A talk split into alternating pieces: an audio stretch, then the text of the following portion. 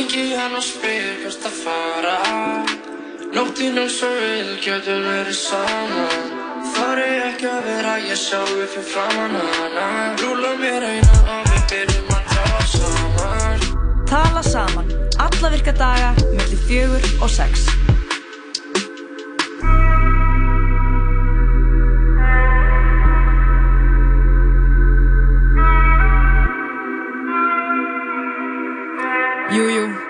Gælustendur. Tala saman komið í gang og við erum í á miklu, miklu góðu og hvað, ég ekki segja bara blessuðu jólaskapi í dag. Ég myndi nú bara segja það klárlega. Um, við erum hér að leysa af Jói og Lóa í fjárveru þeirra. Já, glöggjulistendur það kannski eftir því að þetta er ekki Þetta er ekki sem- góða, þetta er annað gott tvíeiki. Uh, Birna Marja og Ingeborg Eða helsaðar þennan miðugudaginn í Tala Saman. Það er einmitt mögudagur, það er hérna, það veit enginn hvaða dagur er núna. Eða ekkert eitthvað í dag, heldur bara það, minnst alltaf fólk vera eitthvað svona, hvaða dagur er í dag? Ég er bara nákvæmlega þar. Ég er bara svona, var bara að átta mig á ótrúlega, ég er bara, á ok, það er vika í jólinn og já, það er líka þriðdagur eitthvað í gær. Einmitt, skilurðu. og svo er margir náttúrulega líka komin á prófum og þá veit maður heldur ekkert hvað, Einmitt, einmitt. hvað er í gangi? Bara bókstaflega, sko. einmitt. En margir kominir í jólafrí og margir hérna kannski bara farin að gera og græja fyrir jólinn. Já. Og bara ekki setna vætna í rauninni. það er minna en vika í þetta maður, shit, sko.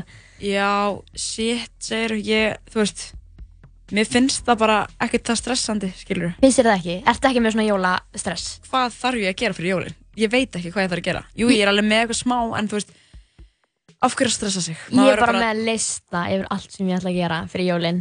Bara því, ég ætla að gera þetta, þetta, þetta, þetta og ég ætla að, ég á eftir að kaupa þú veist gafir fyrir kannski helmingin á aðalónum sem ég ætla að kaupa gafir handa þess fyrir. Einmitt. En þú sagðir, segir samt ekki vera jólabarn. Ég held, að, ég held að það sé búið að það að þú sért jólabarn. Þetta Nei, sko þannig að ég, ég ætla samt alveg að segja það að þú veist, ég var að segja þetta við einhver, ég man ekki hvort það hefur við þig eða einhvern annan að veist, mér finnst því fyrst skiptið núna í ár hef ég fundið fyrir svona smá tillökkun til jólana, sko já, en það hefur bara ekki verið bara síðustu 5-6 ár, sko því þá er maður náttúrulega líka jólaprófum svo seint oft, sko þegar maður er í menturskóla og eitthvað einmitt. Jú, jú, ég, ég er alveg spennt fyrir hérna uh, jólunum. Þetta er alltaf, þetta er alltaf ónotalegt. Og, en rauninni, þú veist, mér, finnst- mér finnst líka bara þessi vika hér alveg notaleg. Mér finnst bara- Algjörlega, ég er sammála eða mér finnst mér vera aðeins meira hektík svona í kring samt svona svo, þú veist, ef maður þarf að fara að redda ykkur um jólagjöfnir í bæi eða í kringlunni eða eitthvað þá eru allir í kringum hann svo stressaðir. Já, og það gerir er mann stressaðan Það er rétt, við skulum bara passa upp hvort annað, ekki Algjörlega. láta fólk vera stressað bara því að út af eigin stressi. Nákvæmlega. En við ætlum ekki bara að tala um jólin í dag, við ætlum bara að ég fara yfir það helsta. Það er ímislegt sem að þarf að ræða. Já, Nú er náttúrulega, uh, já, fólk er að taka saman svona ársinslista já, emitt og það er komið þar alls konar svona íþórtamenn sem eru valdir ársins Já. í þeirra flokki, eða þeirra greinum. Við ætlum að kíkja yfir alls konar furðufréttir líka og bara, Við erum með nokkra góðar sem við erum búin að finna til til að fjalla um já, jólatalatalið verður á sínum stað. Að sjálfsögðu Við ætlum að slúðra hérna saman líka tvær og, og uh, ég lustur upp okkar helstu leyndamálum, hann er ekki að fara langt. Nei, og bara, þetta verður skemmtilegur þáttur Ég veit það Já, eða bara leiðilur. Já, eða það. Bara hvort sem það verður, nennið að hlusta, please, nei, joke. En að, na, þetta verður skemmtilegt, jólatal-tal eins og við sögðum áðan. Uh, gestur þeirra sprellara er hún Birnarún Eiríksdóttir og við spilum þann þátt uh, setna í þættinum. Heldur betur. Eitt sem að hérna, ég tók eftir í vikunni, að því maður sér alltaf svona, það er stanslust vera að minna mann á hvað gerðist að þessum degi fyrir einhverjum árum síðan í lífum hans með einhverjum memories á Instagram eða Snapchat eða Facebook eða Algjörlega, bara einhver algjörlega. Að því framann í mann hvað maður var að gera.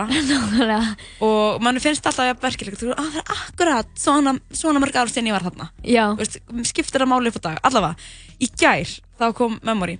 Já, að, eða hvort það hafi verið í dag nei, ok, allavega í gær, einmitt, þú veist, talandi um að veit ekki hvað dagur er.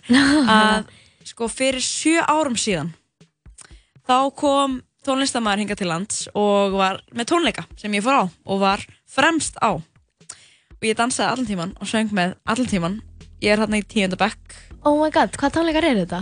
uh, þetta er sko, þetta er tónlistamæður sem allir þekkja. Ok, og uh, margir þekkja lögin bæði úr kannski Singstar þú veist, og bara almennt. Þetta er bara frægur tónlistamæður en tónlistamann heitir Mika og þú veist alveg hver þetta er Ég dýrka Mika. Mika kom inga til lands árið 2012 og var Ég með tónleika í misti hörpunni af því, sko. Ég var svo sár. Ég þú bara, varst líka bara örugglega of ung til að vera þarna við skulum ekki vera að segja það, ég hef nú bara getað mætt með móðum minni, eitthvað. En ég mætti með frængu minni sko, Eða? en ég fóð bara fremst og við, við vorum sko tvær þú veist, ég, önnur vinkon mín var líka á tónleikunum og veist, mamma henni þekkti eitthvað aðeins frængu mín og þannig þær gátt alveg verið svona aðeins aftar saman og við Ég bara skil tvær þig. fremstar Páll Óskar var að hitta upp fyrir hann, þetta var oh my geggjað god. og uh, það kom, þú veist, konfetti og a, bara, þú veist, þetta var bara allir pakkin og ég ætla bara að ég opna hann þátt, hann tala saman þátt með einu gömlu Mikalægi Ég er og svo til í það, án jokes. Ég veit ekki um neina betri leið til að starta þessum miðugdagsþætti. það er ekki bara Ég bara, smá Mika, þetta er lagið Grace Kelly I wanna talk to you. The last time we talked, Mr. Smith, you reduced me to tears. I promise you it won't happen again. Do I attract you? Do I repulse you with my queasy smile? Am I too dirty? Am I too flirty? Do I like what you like? I could be wholesome, I could be loathsome, guess I'm a little bit shy. Why don't you like me? Why don't you like me without making me try? I try to be like Grace Kelly, So I tried a little Freddie. Mm, I've got an entity mind.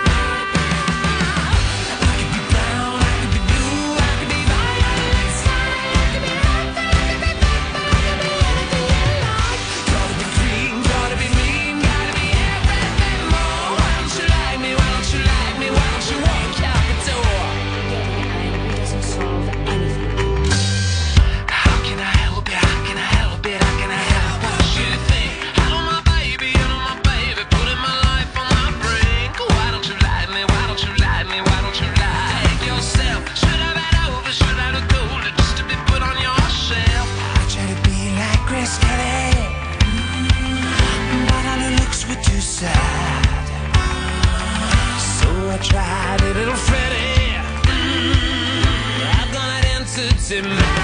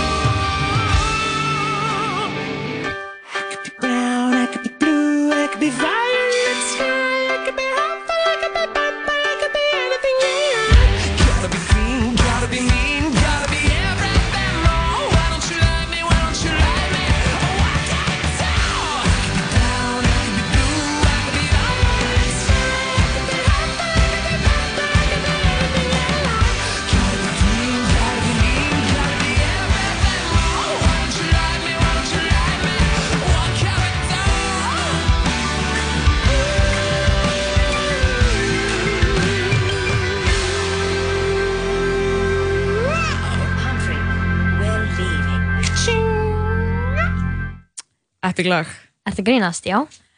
Katsinga En já, Mika var hér uh, fyrir hvað, sjö árum síðan og hann var í hörpu Já, ymmit. Ég var einmitt að segja Byrnu hérna meðan að læja var í gangi að það, þetta voru svona tónleikar sem að maður svona, að ég þarf ekki að fara á og svo því eftir að það sama gett mikið eftir því að hafa ekki farið á það. Sko, maður á alltaf bara að skella sér á af því að, þú veist, á tónleika Mhm. þegar maður sér eitthvað svona artista þó maður sé eitthvað number one fan Nákvæmlega. Það er bara alltaf mjög gaman á tónleikum Ég sko, þannig að hvað eru svona eftirminnilegustu tónleikar? Kannski fyrir utan Mika, þú veist, ef að það var svona efst hjá þér, sem þú hefur farið á Íslandi. Á Íslandi Já, Mm, það má vera þú veist íslenskur eða erlendur artisti. Sko, það var örgulega Gísli Pálmi í Gamla Bíó Í alvöru? Já, þegar hann var nýbúin að gefa út hérna plötun sína Já, ymmit. Það var ekki Já. en, en sko, svo svona erlendur þá, þú veist náttúrulega skepta á Airwaves það var mjög gaman, ég var fremst þar líka Þú veist, Já. það var mjög, en ég, var, ég hef séð hann líka erlendis Já, á Airless þá eða? Já, og svo þú veist, alls konar, það er fullt af tónleikum náttúrulega, þú veist, hérna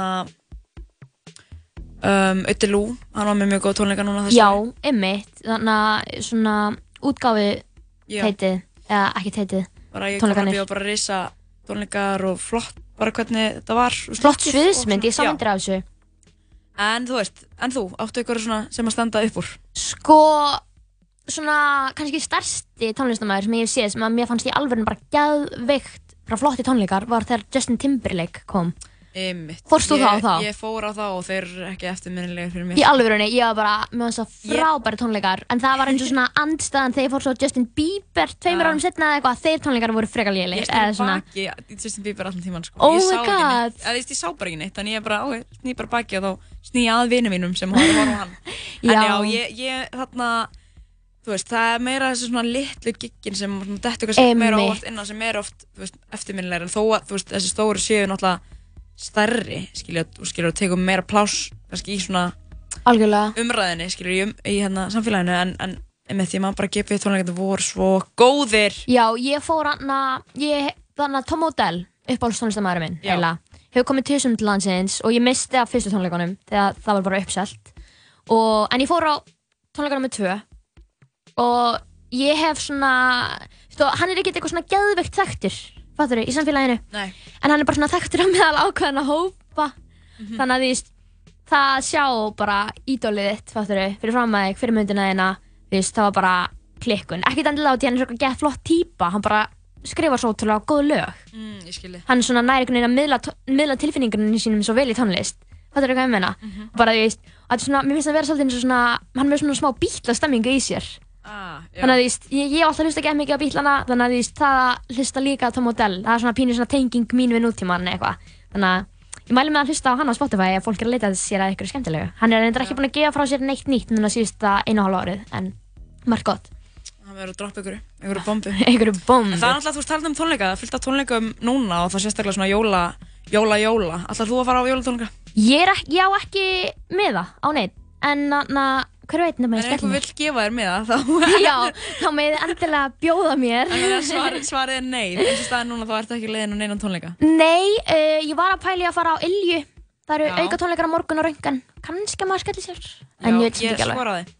Já, ég veit ekki hvort ég taki. En, na, en þú? Nei, mér langar sko, ég var bara að fatta núna hvað mér langar geðið mikið að fara á bó. Ég bara, ég, þetta hefur aldrei verið svona, jú, jú, jú. Og ég var bara eitthvað, mér langar að fara. Það var bara eitthvað, það er uppselt og ég bara, ok, eitthvað, en maður fer bara næsta ári. En Já, þarna, gott line-up í ár. maður hérna kannski skellir sér á sko það eru góði tónleikar um helgina Já, Young Nico og Daníl og 24 hérna ætla að vera með tónleika Já, á einmitt. gamla gauknum líka, það er epic sko já, ég er samanlega sko. sá staður, hérna langt síðan maður steig þangað inn á sérstaklega á dansskóli þar en það eru á föstudaginn og laugadaginn tónleikar ef ég mann rétt Já. Og það verður gaman að sjá þá þetta er svona svolítið skemmtilegir sko þessi þrýr, þeir vinna mikið saman Já. og það verður gaman að sjá á sviðinu en líka smá bara, þú veist spennt að sjá hvernig sko hverju munum mæta þessu tónleika Ég þeir skil eru nefnilega með rosalega stóran hóp af aðdándum það? já, Ég er ekki inn í þessu sko. Ég, na, er ekki í þessum hreðsum nei, en því sem ég líður eins og ég sé svo fjarrir þessu eitthvað. Þú veist að fólk talar um þetta. Já, Og ég hef sagt þetta svo oft ég þarf að koma mér inn í þetta. ég held að þetta sé, sé líka smá lítil búbla í, hjá mér sko en, en samt, þú veist þessi búbla er mjög stór í svona fyrir neðan okkur, skilur, hjá þig. fólki en, en hérna eitt lag sem að ég er búin að hlusta á núna nokkur sinnum í hérna sem er á nýju plötinu sem að 24 gáð og þetta er svolítið svona speslag það er svolítið svona ég veit það ekki, þú veist, en það sem grípur mig er bara svona hvað þetta er auðvitað texti Mhm. þetta er ekkert eitthvað svona pepplag af því að þetta er bókstala um einhverja gælu sem er ógstlega eitthvað svona sem í pyrruð Oh my en god. lagið heitir J-Lo og þetta er 24 og það er ekki Byrnir sem er jú, Byrnir sem er með honum lagið heitir J-Lo, þetta er á nýjastu plötinni FM 24.7 við ætlum, við ekki aðeins að hlusta á þetta lag Heldur við þér.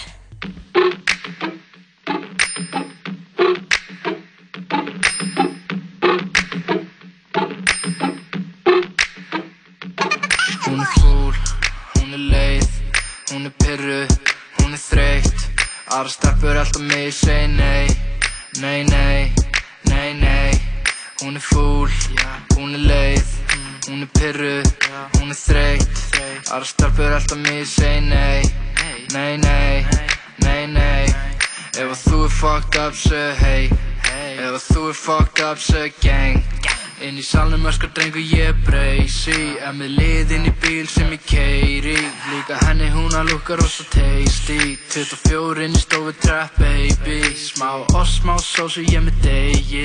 Tala skítinn um mig og þið degi Svo sætljós tá fyrir playboy Komið smókin og mjöld enga reikboy Steiki þess að gauðra eins og bacon Komið bræði mína með mig bara day one Þóri bílastók eða stók go Taco, taco, taco, er J-Lo Ef að þú er fucked up, segðu hey wow. Ef að þú er fucked up, segðu hey wow. Yeah. Yeah. Yeah. Yeah. Elda silfur, elda silfur, elda silfur Ég með gull, gull, gull Ég græti milló, það er að milló Eitir millunum í rugg, rugg, rugg, rugg Ég kann ekki spara peninga, ég eigi þeim í bull, bull, bull, bull En ég get verið bróks, fokk, samt að fljúum eins og fugg, fugg, fugg Hvíli mig ekki, ég til slíper Ég með pínu vatn á mér lítir Wow, samt tölvi fíkilinn í mér. Ey, þeir eru mjög flott en ekkert lík mér Yeah, ég JP Justin Bieber. Yeah, allar línur á eins og símaver Hvart að tala um ég er kýper Oh, polo hestur á mér, hún vil dríða mér. Yeah. Hún er fúl, hún er leið. Hún er pyrru, hún er þreytt. Aðra stelpur alltaf mig segi nei Nei, nei, nei, nei. Hún er fúl, hún er leið Hún er pyrru, hún er þreytt. Aðra stelpur alltaf mig segi nei. Nei, nei, nei, nei. Hún er fúl, hún er leið Hún er pyrru, hún er þreytt. Aðra stelpur alltaf mig segi nei. Nei, nei, nei, nei. Hún er fúl, hún er leið Hún er pyrru, hún er þreytt Aðra stelpur alltaf mig segi nei Nei, nei, nei, nei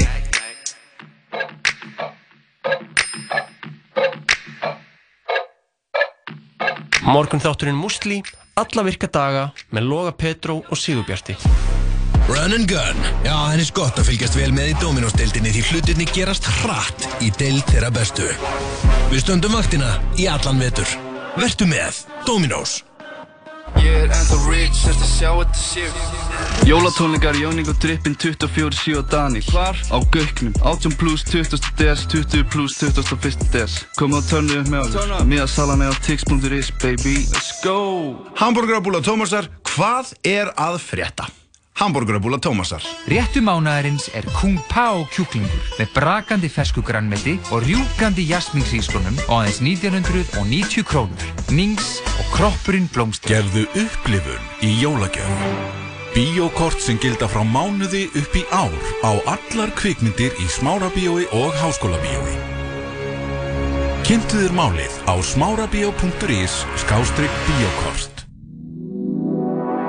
Útvarp 101 Jú, jú, við höldum áfram. Ingi Börg og Birna Mæra með þér í þessu fína sýti, ekki bara kalla þetta fínt. Jú, jú, þetta er bara rosa fínt, bara fínt veður úti líka. Það er bara fínt. Það er með miðugudagar oft bara svona fínir. Já. Þeir eru ekkert meir en það, þetta er bara eitthvað Þetta er bara fínt. Þetta er bara fínt með þetta þær Já. Auk þess veitum við að veðrið skilgreinir líka alltaf líðan Íslendinga Þannig að ef það er gott Það er veður úti þá er fólk rest sko.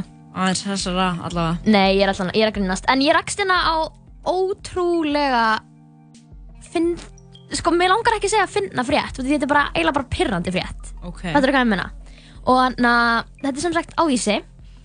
Og þar var sem sagt, sem sagt mjög stórt afrek sem gerist í hér Þannig að það var fyrsta konan í heimi til að sigra Karlmann í pílukasti á HM betur. Þannig að bara all hamingju Fallon Sherrock, En hún sko mætti svo daginn eftir í Good Morning Britain eða eitthvað svona, eitthvað svona spjallþátt Og í Breitlandi sko, Málið er að pílan mæga það að hún, þú veist, núna eru undanúslitin að fara í gangi, allan hún sé ekki þá komin áfram með undanúslit Já. og svo eru úslitin sko síðast voruð á nýjársdag og þetta er svo skemmtileg íþrótt að því hún er í svo bara í fullu fjöri Mhm. á þessum tíma árs þar sem að er ekkert mikið annað í gangi. Já. Jú, jú, en pælti því bara vakna á nýjársdag og geta hort á píluna. Það er, það var geggjað og það verður geggjað. Sko, ég hef aldrei hort á leikipílu. Ég veit ekkert um þetta. skiptið, en það var svo gaman. Ég, na, en ég bara rakst á þessu frétt og ég verði bara að segja fólki frá þessu því að veist, í þessum þarna, þætti, þessum morgunþætti Good Morning Britain, ITV, Good Morning Britain heitir Mhm. þátturinn sem sagt og einn af þáttastjórnendum þessa þáttar er Piers Morgan. Veist, þú veist náttúrulega hvað það er, mm það ekki? Og fyrir þá sem að kannski vita ekki hver Piers Morgan er að þá var hann svona þáttastjórnendi ég held hann hafi verið er ég eitthvað rugglast, var hann ekki í Got Talent eða eitthvað? Jú, á einhverjum tímpunkti en hann allavega er svona þátta keppnum. já, já, já, hann er svona bara svona frekar þek- þekktur þáttastjórnandi í Breitlandi og hefur oft verið með svolítið svona ekki alveg, skoðanir sem er ekki alveg í takt við nútíman, ef við getum orðað pent bara svona verið ekki alveg PC, eins og unga fólki segir. En hann sem sagt sko hann skorar á hana í pílukast. Einmitt. í miðjum þætti. Og ég var bara eitthvað svona er svo típist Piers Morgan vera eitthvað ég getur eitthvað unnið gæluna sem að vann Karlmann í fyrstskipt á HM í pílukasti. Eða fattur eitthvað ég meina? Og svo Já. taka þér pílukastið konan skorur eitthvað 40 eitthvað stig og hann eitthvað, að þetta er nú ekki mikið ég get gert þetta. Og gerir svo eftir og fæ bara eitthvað 22 stig og ég bara svona, þú veist þetta er svo, þetta er svo komist, eða fattur eitthvað ég meina? Já, sko, ég fatt alveg hvað þú meina en mér finnst samt líka bara stemning að sjá hann í bytni og fá okkur náttúrulega challenge. Já, að ég veit það ekki, ég hefði örgulega, sko, mér, mér hefði fyndist þetta að fyndi að þetta hefði verið einhver annar en Piers Morgan. Já, ég er náttúrulega ekki maður að sjá uh, þetta, þessa stiklu. Ég væri til að sjá hvernig stemningi var En mér finnst þetta samt mjög eðlilegt Og þú veist, mér finnst þetta ekki draga úr henni sem eitthvað íþróttamann Nei, nei, nei, ég veit það, en mér var bara svona, ég var, kannski er þetta bara eitthvað svona uber-feminist í mér eða eitthvað, ég veit það ekki, en ég er bara svona, þú veist, það er svona, þetta er verið að reyna að gera gott úr þessu skiluru og hann eitthvað svona að djóka með það, já, nú kemur kallmaður eitthvað svona og ætlar að gera þetta sjálfur og ég er bara svona, þú veist, Já, Ertu það að er, það er ekki mér? cool. Nei. En samt sem aður, þá er, er þetta helgarna afreg hjá henni Ertu að grínast? Þetta er sko frábært En eitt í þessu líka að þú veist, eins og með píluna Þetta er bara, þú veist Íþrótt, skilur Sorry, Já. kannski, þú veist ah, Kannski minn einhvern veginn að vera brjálæður ég, hérna, ég er ekki að segja þetta sé ekki íþrótt Þetta er En- mikil tækni Já.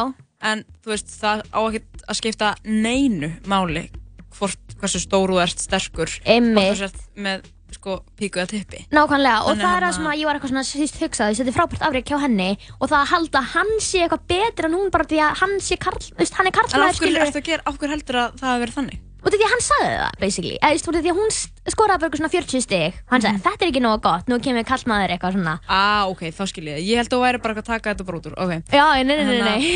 Ég var bara, bara- að segja hann hafi verið að segja það Nei, nei, nei, og hann eitthvað svona, ég á sjansa til að na, vinna upp eitthvað fyrir kallmönnunum, eitthvað svona, og ég var bara, ok, það er Við, hérna, við viljum það ekki Já, Og við erum að tala um það, þegar fólk er að horfa á pílu og mætir á, á leikvangin, ef við getum kallað þannig, eða það, að þá er fólk oft í búningum Mhm.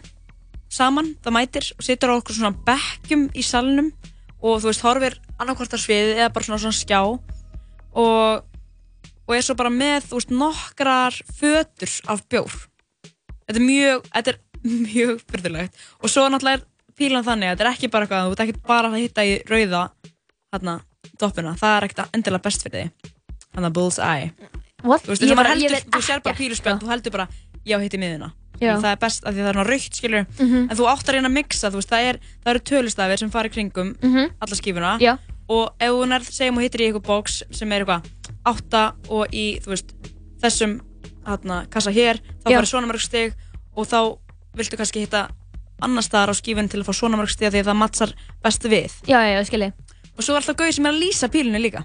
Sem, sem næri einhvern veginn bara, þú veist því að maður þarf að vera fl- svo- sjúklega fljótur að reikna og markfalda í þessu. Já. þú veist, og örugglega líka þú ert sko keppandi þú ert alltaf bara, þú gerir bara, þú veist dum, dum, dum og svo Oh my sækir pílunar á God. næsti. Þannig að þú þarft alveg að vita smá svona ég er með svona mörg stig, svona mörg stig og þú veist, semmi að vita hvert þú ætlar að kasta bara á næstu sekundu en sá sem er að kalla þetta upp, hann öskar sérst alltaf stigin. Og við erum ekki að tala um eitthvað svona já, hann kemur hann og hann fekk 40 stig, þú veist, hann er alltaf bara 180 og það er alltaf svona út alla keppnina. En þetta er mjög skemmtilegt og uh, það er hægt að fylgjast með þessu á stöðu sport. Einmitt. ég held að þetta sé okkur af þeim rásum. Já, næs yfir hátíðina líka að fylgjast með einhverju svona, ég stöndi minni bara svona, þú veist, ef það er að það er eitthvað svona íþróttadæmi gangi yfir einmitt jólaháttíðina að þá þú veist, er svo auðvelt að horfa á þetta eins og þú veist að segja þetta er eins og hana uh, olimpíuleikanir Já. Það er bara, ég lakka ótrúlega mikið til olimpíuleikana á næsta ári því að það er bara svo næs, þú veist, maður er annarkvort í sumafrí eða bara í vinnu, maður er ekki í skóla. Mhm. þannig að þú veist, þetta er svo þetta er svo ótrúlega Það er gaman að fylgjast með líka bara maður það bara velja sér eitthvað eitt. Já, nákvæmlega, þú veist, ég horfa alltaf á fimmleikana Þú veist, til dæmis eins og núna þá er í kvöld það er eitthvað El Clasico eitthvað. Já. Barcelona, Real Madrid. Emitt, emitt Og Liverpool er líka að spila, það er nóg að gerast sko, veist, Það er nóg að gerast. Auðvitað er fullt af, fullt af leikjum í íþróttunum En þú veist, pílan er Pílan er að nálgast sko. úrslit á þessum tíma árs og það er stemning í því að geta lig, bara vera heima, liggja upp í sófa og horfa á píluna að þetta er langt þetta er sko ógeðslega langt þetta er eitthvað svona, þið þurfa að ná svona mörgum svona mörgum hérna sigurum Mhm. og þá vinna þau rándið og, þá, og svo þurfa þau að vinna svona mörg ránd þannig að það getur alveg farið bara í þú veist að þú sett kannski komið með þrjú ránd og ég með þrjú en við þurfum, svo fæ ég fjögur og þú fær svo fjögur. Æskilu, þú veist, að Já. maður þarf að vinna með tvei þetta er bara svona, getur verið sagan endalösa þannig að Ég skilði þig. það er líka oft fínt, þess að bara pældi því að það hafi verið þunnur á nýjástag og vakna bara bara, við erum Bara horfa á afsökunar, bara, æ, ég er að horfa á píluna, skilur það var, það var mjög næs. Þannig að, já, en ég, ég, er, ég er í alveg ég ætla að horfa á þetta núna því að mér finnst þetta spennandi og ég held með þessari gælu því að hún er badass, sko. Hún er líka bara ógstlega, hún, veist, ég vildi ég væri hún, sko bara grínlaust, öllu gríni sleftu hún er bara fucking er hún ekki með eitthvað svona nafn, það er, þú sko, er oft með svona nicknames, eða þú veist, eins og einn sem að kalla sig Mighty Mike og Já, svona. hún sko, þannig að sá þetta ekki, eða ég sé það ekki í þessari grein. Þetta er bara eitthvað svona stutt grein. Og svo, svo fylgir myndband með. En það kemur bara Valencia Rock þannig að Ellen Sherrock. Skellur að vera ekki komið nafn. Hvað myndir þú vilja, þú veist, fá á hana um, eitthvað svona, eitthvað, að Fallan mér finnst það vera svona, ég veit ekki sko, Fallan er náttúrulega líka nafnið á aðalgjálun í Dynasty. Ah, það er góð hún er sko ógæslega góð þættir, bæði gamlu og nýju. En þannig að Veist, ég var til í að sjá eitthvað svona Fallon Sparrow eða eitthvað svona, eitthvað svona fuggla eitthvað, svona Falcon Sparrow. Því hún heitir Fallon Sherrock. Þetta er svona að spila nafnið hennar. Sko, ég er ekki nóg ánum með að hún skul ekki vera nú þegar komið með með nafn, sko Við tölum hérna eins og við vitum gæt mikið um pílu bara þau eru öll með nöfn eitthvað hún Nei, er ekki komið það með er nafn. king að vera með þú veist, eitthvað svona nickname. Já. Bara Mighty Mike og allir í Mighty Mike ból hann heitir bara Michael. Það er okkur svona. En nú það, það er bara fínt að vera með eitthvað smá allt er eitthvað í gangi. Já, þetta greinast en eh, við höldum áfram að spila já, góða tónlist og ég verð að fá að spila eitthvað, eitthvað að plötunni What's the Throne þar sem ég er loksins komin að taka hana eftir þess að plata kom út. Já. eða kom á Spotify, réttar sagt. Þegar að Jay-Z átti ammali um daginn og þá bara kom allar plötunar hans á Spotify. Einmitt. meðal hans þessi plata sem hann vann með Kanye West á samt rauninni fleiri tónlistamönnum. Eitt lag sem ég langar að spila sem er svona cozy, nice, þú veist smá fínt, þú veist miðvíkudagslag það er lagið Made in America. Þekkir þetta lag? Já, ég þekki þetta lag. Samanlega, þetta er cozy. Þetta er cozy lag. Það ekki? Jú.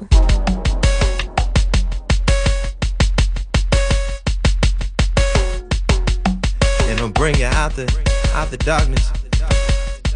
Sweet King Martin, sweet Queen Coretta, sweet Brother Malcolm, sweet Queen Betty, sweet Mother Mary, sweet Father Joseph, sweet Jesus. We made it in America,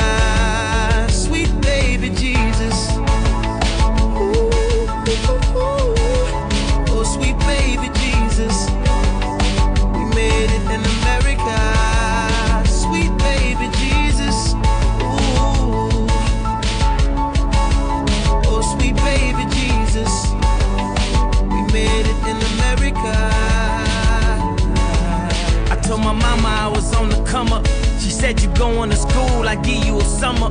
Then she met no ID and gave me his number.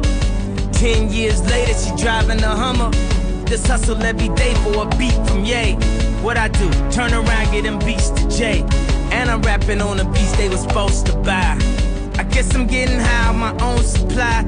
Downtown mixing fabrics, trying to find the magic. Started a little blog just to get some traffic. Old folks will tell looking at the playing traffic. Uh, a million hits and the web crashes. Damn, South Park had them all laughing.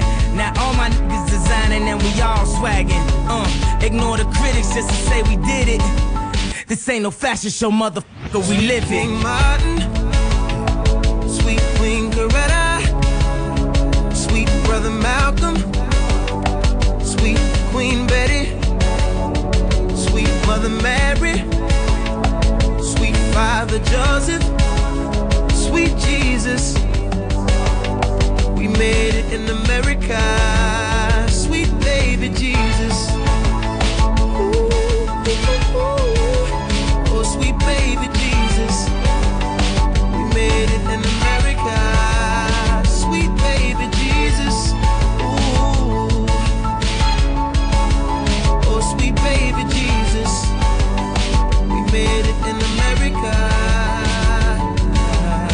Pledge allegiance uh, to my grandma for that banana, putting our piece of Americana. Our apple power supplied through Arm and Hammer. Straight out the kitchen, shh, don't wake Nana. Uh, Build the republic that still stands. I'm trying to lead a nation, the lead of my little mans. On my daughter, saw him boiling this water. The scales was lopsided, I'm just restoring order. Hold up, here comes grandma. What's up, yaya? What's that smell? Oh, I'm just boiling some agua. No papa, bad Santa. The streets raised me, caught in my bad manners. I got my liberty, chopping grams up. Street justice, I pray God understand us. I pledge allegiance to all the scramblers. This is the Star Spangled Sweet Banner. King Martin, sweet Queen Coretta, sweet brother Malcolm, sweet Queen Betty, sweet Mother Mary, Father Joseph, sweet Jesus. We made it in America,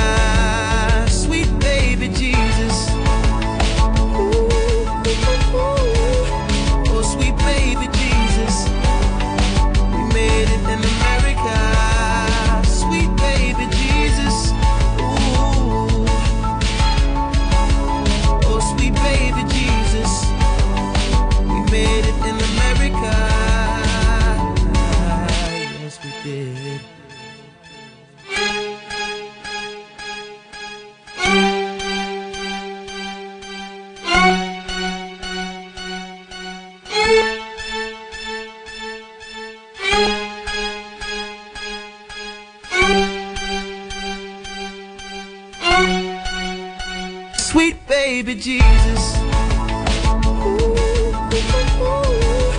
Oh, sweet baby Jesus. We made it in America. Sweet baby Jesus. Ooh.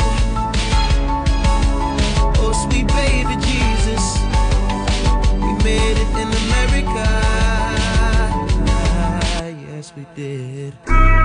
Þú getur hlusta á alla þættina af Tala Saman á Spotify.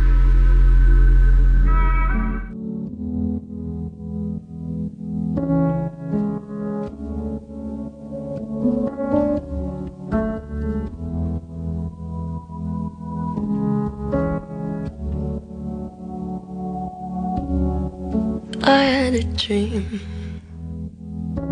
got everything I wanted. Not what you think. And if I'm being honest, it might have been a nightmare.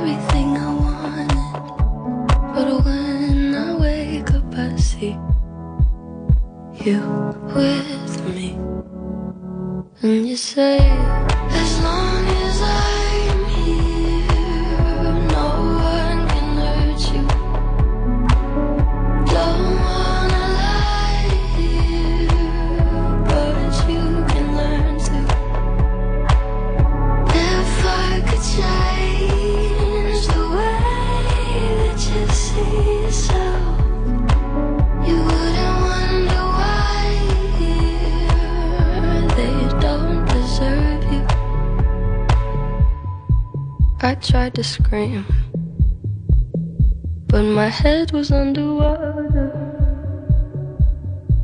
They called me weak, like I'm not just somebody's daughter. It could have been a nightmare,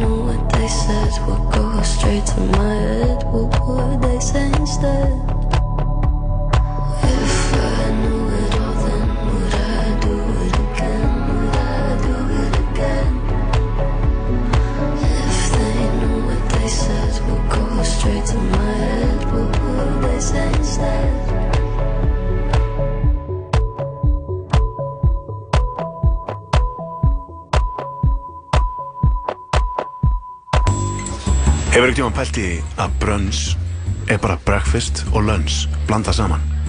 Brunch, allar helgar frá föstu degi til sunnudags. Skál, hlemur matöll. Við elskum nýja jólaburrítóin okkar. Ertu búinn að smakka? Serrano, Fresh, Happy, Max. Tala saman. Alla virka daga, millir fjögur og sex. Í bóði Dominos og Smárabíó. Já, Ingeborg, við setjum hérna og erum í banastuði, hefði ekki bara? En svo alltaf, myndi ég nú bara segja. Já, við erum að það reyna að vera í banastuði, reyna að, já, kannski, þú veist, ef fólk núna út í, út í hérna, umferðinni, fast eitthvað þar á kannski Suðurlandsbraut. Já. Kannski ekki þar. Kannski á Ég var þar nefnilega í gær og það var ömulegt. Ég var, ég var bara eitthvað svona, "Ah, þetta er ömulegt. Já, mér finnst sko þarna verstu staðinir til að vera fastur í umferð. Sko, þetta er, þetta er, það er, this is not up for debate. Þetta er bara, þetta er ekki þrætu öppli, þetta er staðarind. Sko, bústaðavegurinn er ekki jafn slæmur á Suðurlandsbrautin eða, na, ég veit ekki hvað vegurinn heitir. Þannig að þegar þú ert að kera fram hjá kringlunni og í staðan fyrir að fara til hægri í áttina því þarna, ártúnnu eða til vinstri Í, í áttina miðbænum, þú veist að fara áfram. Eins og þetta er fyrir Kópavog. Nei, nei, nei, þú ert að koma hinn áttinni, þú ert að koma úr Kópavogi. Hvað er hvað ég meina? Hmm, úr Kópavogi, niður í bæ. Ég sög, eins og ég er að gera, ég er að gera hérna X. Kringlumýrabrautin. Kringlumýrabrautin og heldur áfram á ljósunum og beir ekki. Hvað er hvað ég meina? Það beint yfir Já. í áttina na, það sem að Nova er og þar. Lámúla, Borgotúni, það er ræðileg, staðir og, og líka hérna alveg neyri Borgotúni að fara þangað, þetta er bara, þetta er bara, það er leiðilegt að vera umferð og Það er- rosalega mikil umferð núna alltaf. Það er allt vont við umferð, það er allt vont og við bíla. Þetta er svona, þetta er svona dót sem að maður þarf ekki svona að ræða, skilur, það er allir bara eitthvað, já, já. En við getum kannski reynd að gera þessa umferðarteppu aðeins bærilegri fyrir þig kærlustandi og, og ég er hérna, við fórum að skoða eitthvað svona, já, hvað getum við talað um?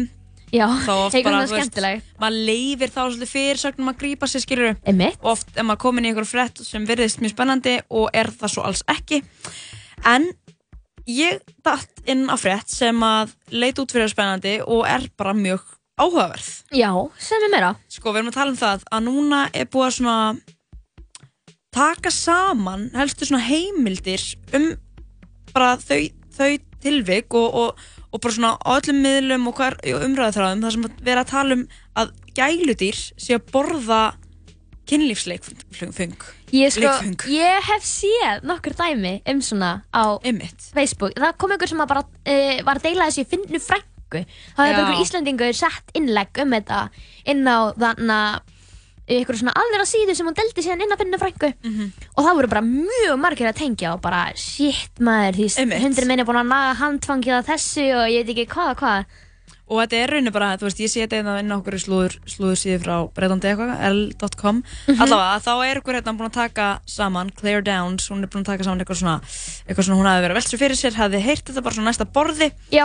og, og fór eitthvað svona pæla eins í þessu, bara eitthvað, þú veist, þetta getur ekki að gerast og bara þú veist, í rauninni þá bara, jú, þetta er að gerast og þetta er að gerast út um allt og bara þetta er mjög algengt að gæludýr séu og bara hundar og kettir séu að borða eða bara allavega að skemma kynlýfstæki. Já, ég sko, veist, maður hefur alveg séð þetta og ég sá þetta bara í fyrsta skipti fyrir mjög stutt síðan, skilur þú veist, að það væri hundar sem að væri að naga þú veist, einhver svona ótrúlega dýr kynlífstæki sem að fólk væri búið að kaupa sér og ég vissi ekki eins og þetta væri bara hlutur sem að hundar gerðu, eða fattur hvað ég meina? Mér finnst þetta vera meira hundar en kísur og ég fór eitthvað líka að lesa mig til um þetta og það var svona, kísur fíla rosalega mikið að klóra sér í svona sílíkon áferð. Emitt. þannig að þetta er bara svona fyrir bæði hunda og ketti er þetta gott leiðkvang og þetta er, þú veist, einmitt, þetta er alls konar það fylgir, hérna, fylgja myndir með, þú veist, það sem er bara eitthvað tættur dildó og, og það er, þú veist, eitthvað verið að pissa og eitthvað reypi og bara, þú veist,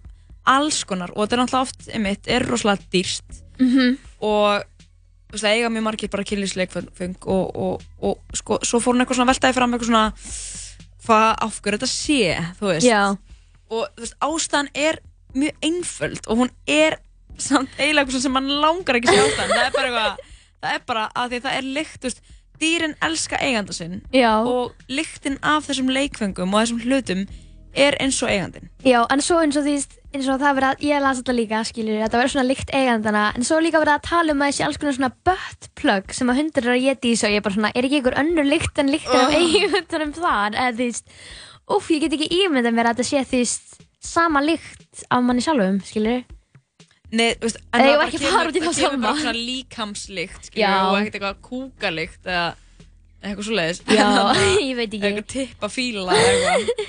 En, uh, en þetta er allavega, þetta er mikill skellur og, veist, þetta er, þetta er sko svo að vera svona, hvernig, hver er laustinnar eru? Já. og þá að vera að tala um að, þú veist, bara að þrýfa beint eftir nótgun en þú veist, bara við, lykt, losna við lyktina. Mhm. og svo setja það á okkur góðan stað svo, veist, en þá kemur um inn í eitthvað svona að það er ekki sexy, skilur við Já. þú veist, eitthvað strax eitthvað búinn fullu fjöru og þú veist eitthvað, já, skrúpa þetta Já, en er ekki Skilurðu? til, það hljóti að vera til eitthvað svona bara eitthvað svona fljótlegt, örgulega eitthvað svona, ég veit ekki, spray eða eitthvað, eða svona, hvað ég meina?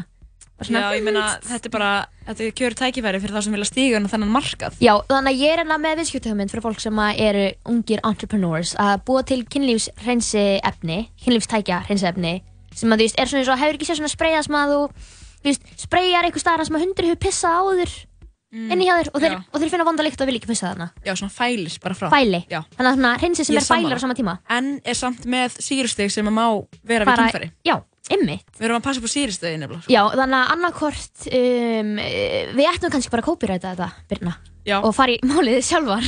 Við erum alltaf hérna, sem gældiregandi þá... Já, sem gæludýra eigendur.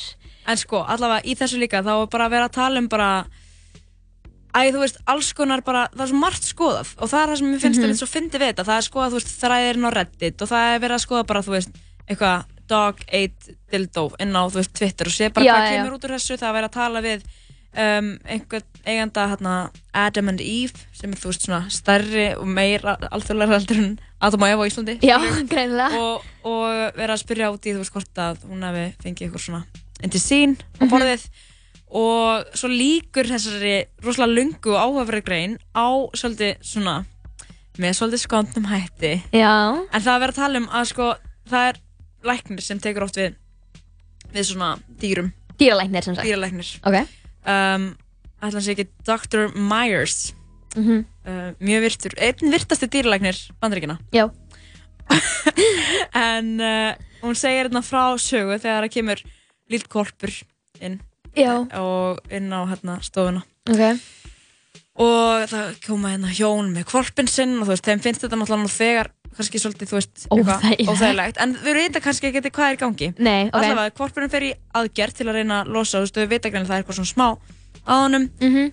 um, uh, já, þetta er svolítið vandræðilegt því að þegar hann kemur tilbaka þá segir, set, kemur læknir með það sem var inn í korpnum Já. sem hann hefði verið að borða og jafla á Uh, og sá hlutur er sérst G-strengur. Nei. Ok, byrju, þetta er ekkert eitthvað svona ha, þetta Nei, er bara eitthvað, ok, ég, ég, basic. ég held að það væri eitthvað svona bútur og Nei, nei, kynlífstæki nei, ok, þetta er G-strengur og maður er eitthvað, ok, þú veist kvolpur, það er bara eitthvað G-strengur á gólfinu og hann hefur bara borðað hann, skilur og Já. bara hann er heimskur, eitthvað En svona. hvernig, þú veist það vandræðilega í þessu er að konan, hún er bara eitthvað þetta er ekki minn. Stendur upp fer út og hann situr eftir og þarf að borga Oh alla, alla reikningin og bara já, þannig að þú veist, svona lokaður þér eru bara eitthvað passa upp á kynlífstækin ykkar og hlutin ykkar og ekki halda framhjá.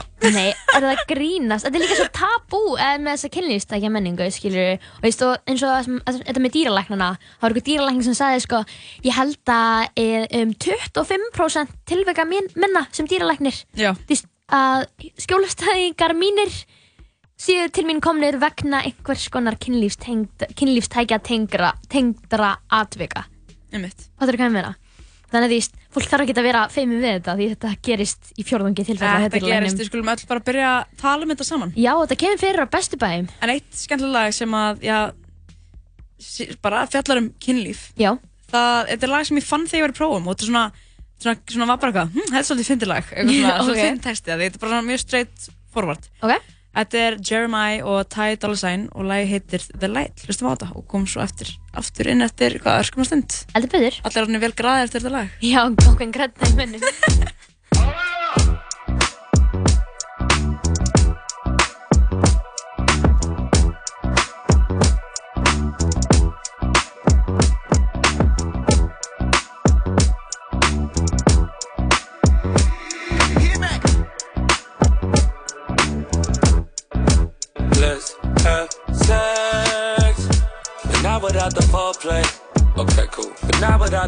without the first date. Okay, cool. Not before I have to wonder if you let me hear if I walk into your doorway. Let's have sex. But not without the sprees, babe. Okay, cool. Not without the vacation. No. It's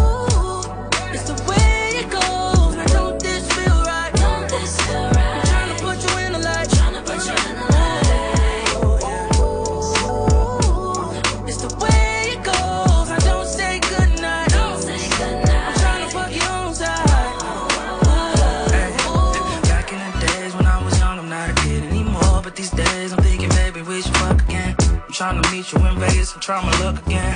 All your friends say you ain't really in love with him.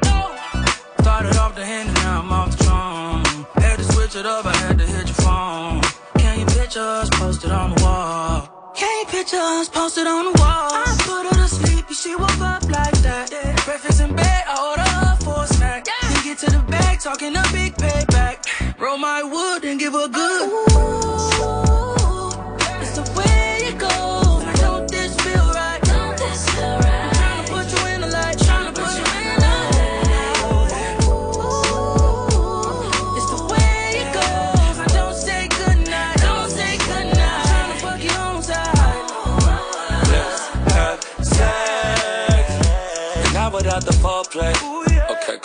Not without the first date. Okay, cool. Not before I have to wonder if you let me hear if I walk you to your doorway. Let's have sex. But not without the sprees, babe. Okay, cool. Not without the vacation. No. It's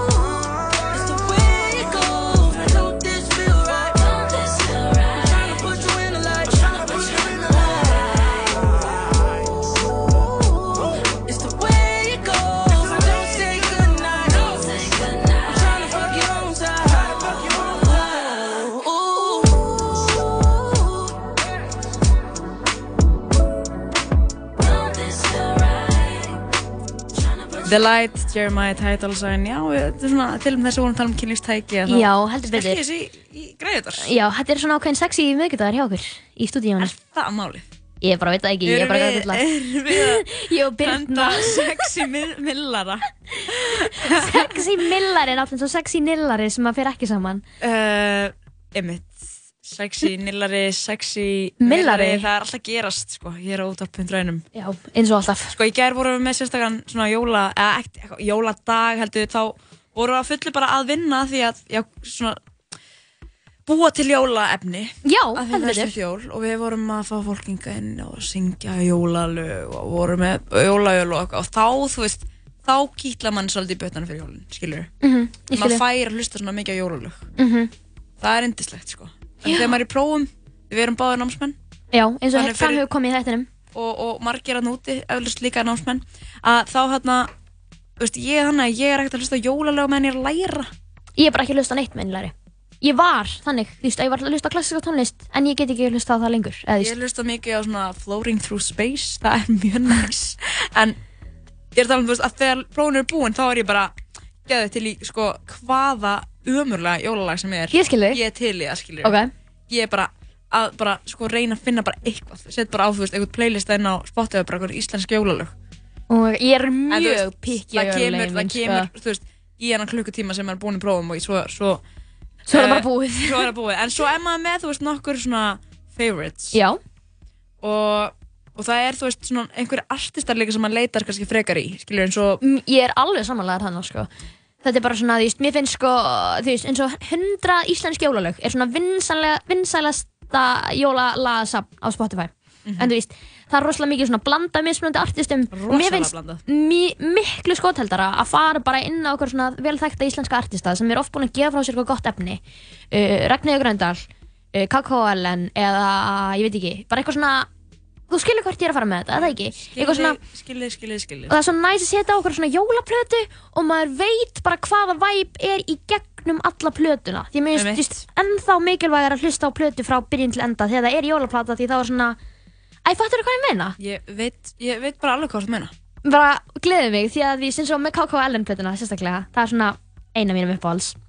En þá þú veist er svo gott flæði í gegnum hana og þetta er allt bara svona ákveðin svona jóla andi sem svolítið bara svona svífur með manni þetta er svo cozy Sko, einmitt, ég, ég einmitt á mér einu svona að þú veist, það er bara nokkur artistar sem ég einmitt svona leita bara sérstaklega og þú veist, auðvitað, auðvitað getur maður líka alveg stundum bara, herðu, það er bara að hafa svolítið basic í dag, okay. bara henda Michael Bublé í, í græðunar, skilur okay. það er bara the basic Ertu, ertu þannig típa? Ertu Michael Bublé típa? Nei, nei, bara þú veist, ég get alveg, ég setja hann samt alveg í gang, skilur Aha. það er ekkert lélegt Það má deilum það, nei, joke þetta er er lélegt og hérna, en annar snillingur sem að ég leit oft til Já. á jólunum, það er Dean Martin hann Ok. er, hann er hérna góður söng, söngvari og hér er jólaplata sem heitir A Winter Romance og hún er hvorki meira nefnir en 60 ára gömul.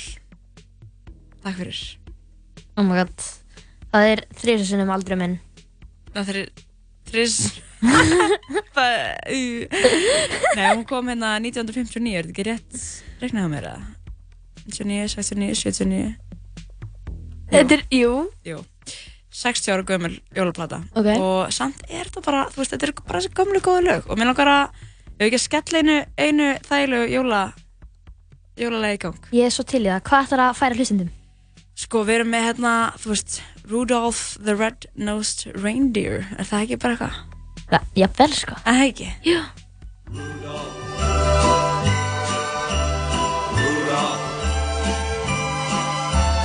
Rudolph the red-nosed had a very shiny nose. And if you ever saw it, you would even say it glows. All of the other reindeer used to laugh and call him names. They never let poor Rudy join in any reindeer game. Then one foggy Christmas Eve, Santa came to say, Rudolph, with your nose so bright, won't you guide my sleigh tonight? Then how the reindeer loved him as they shouted out with glee. Rudy the red-nosed reindeer, you'll go down in history. Rudolph the red-nosed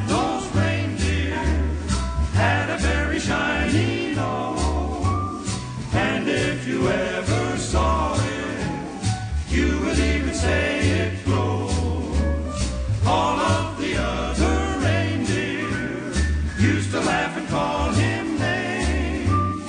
They never let poor Rudolph join in any reindeer games. Then one foggy Christmas Eve, Santa came to say, Rudolph, met your nose so bright, won't you guide my sleigh tonight? Then how the reindeer loved him as they shouted out with glee. Rudy the red-beaked reindeer, you'll go down in history.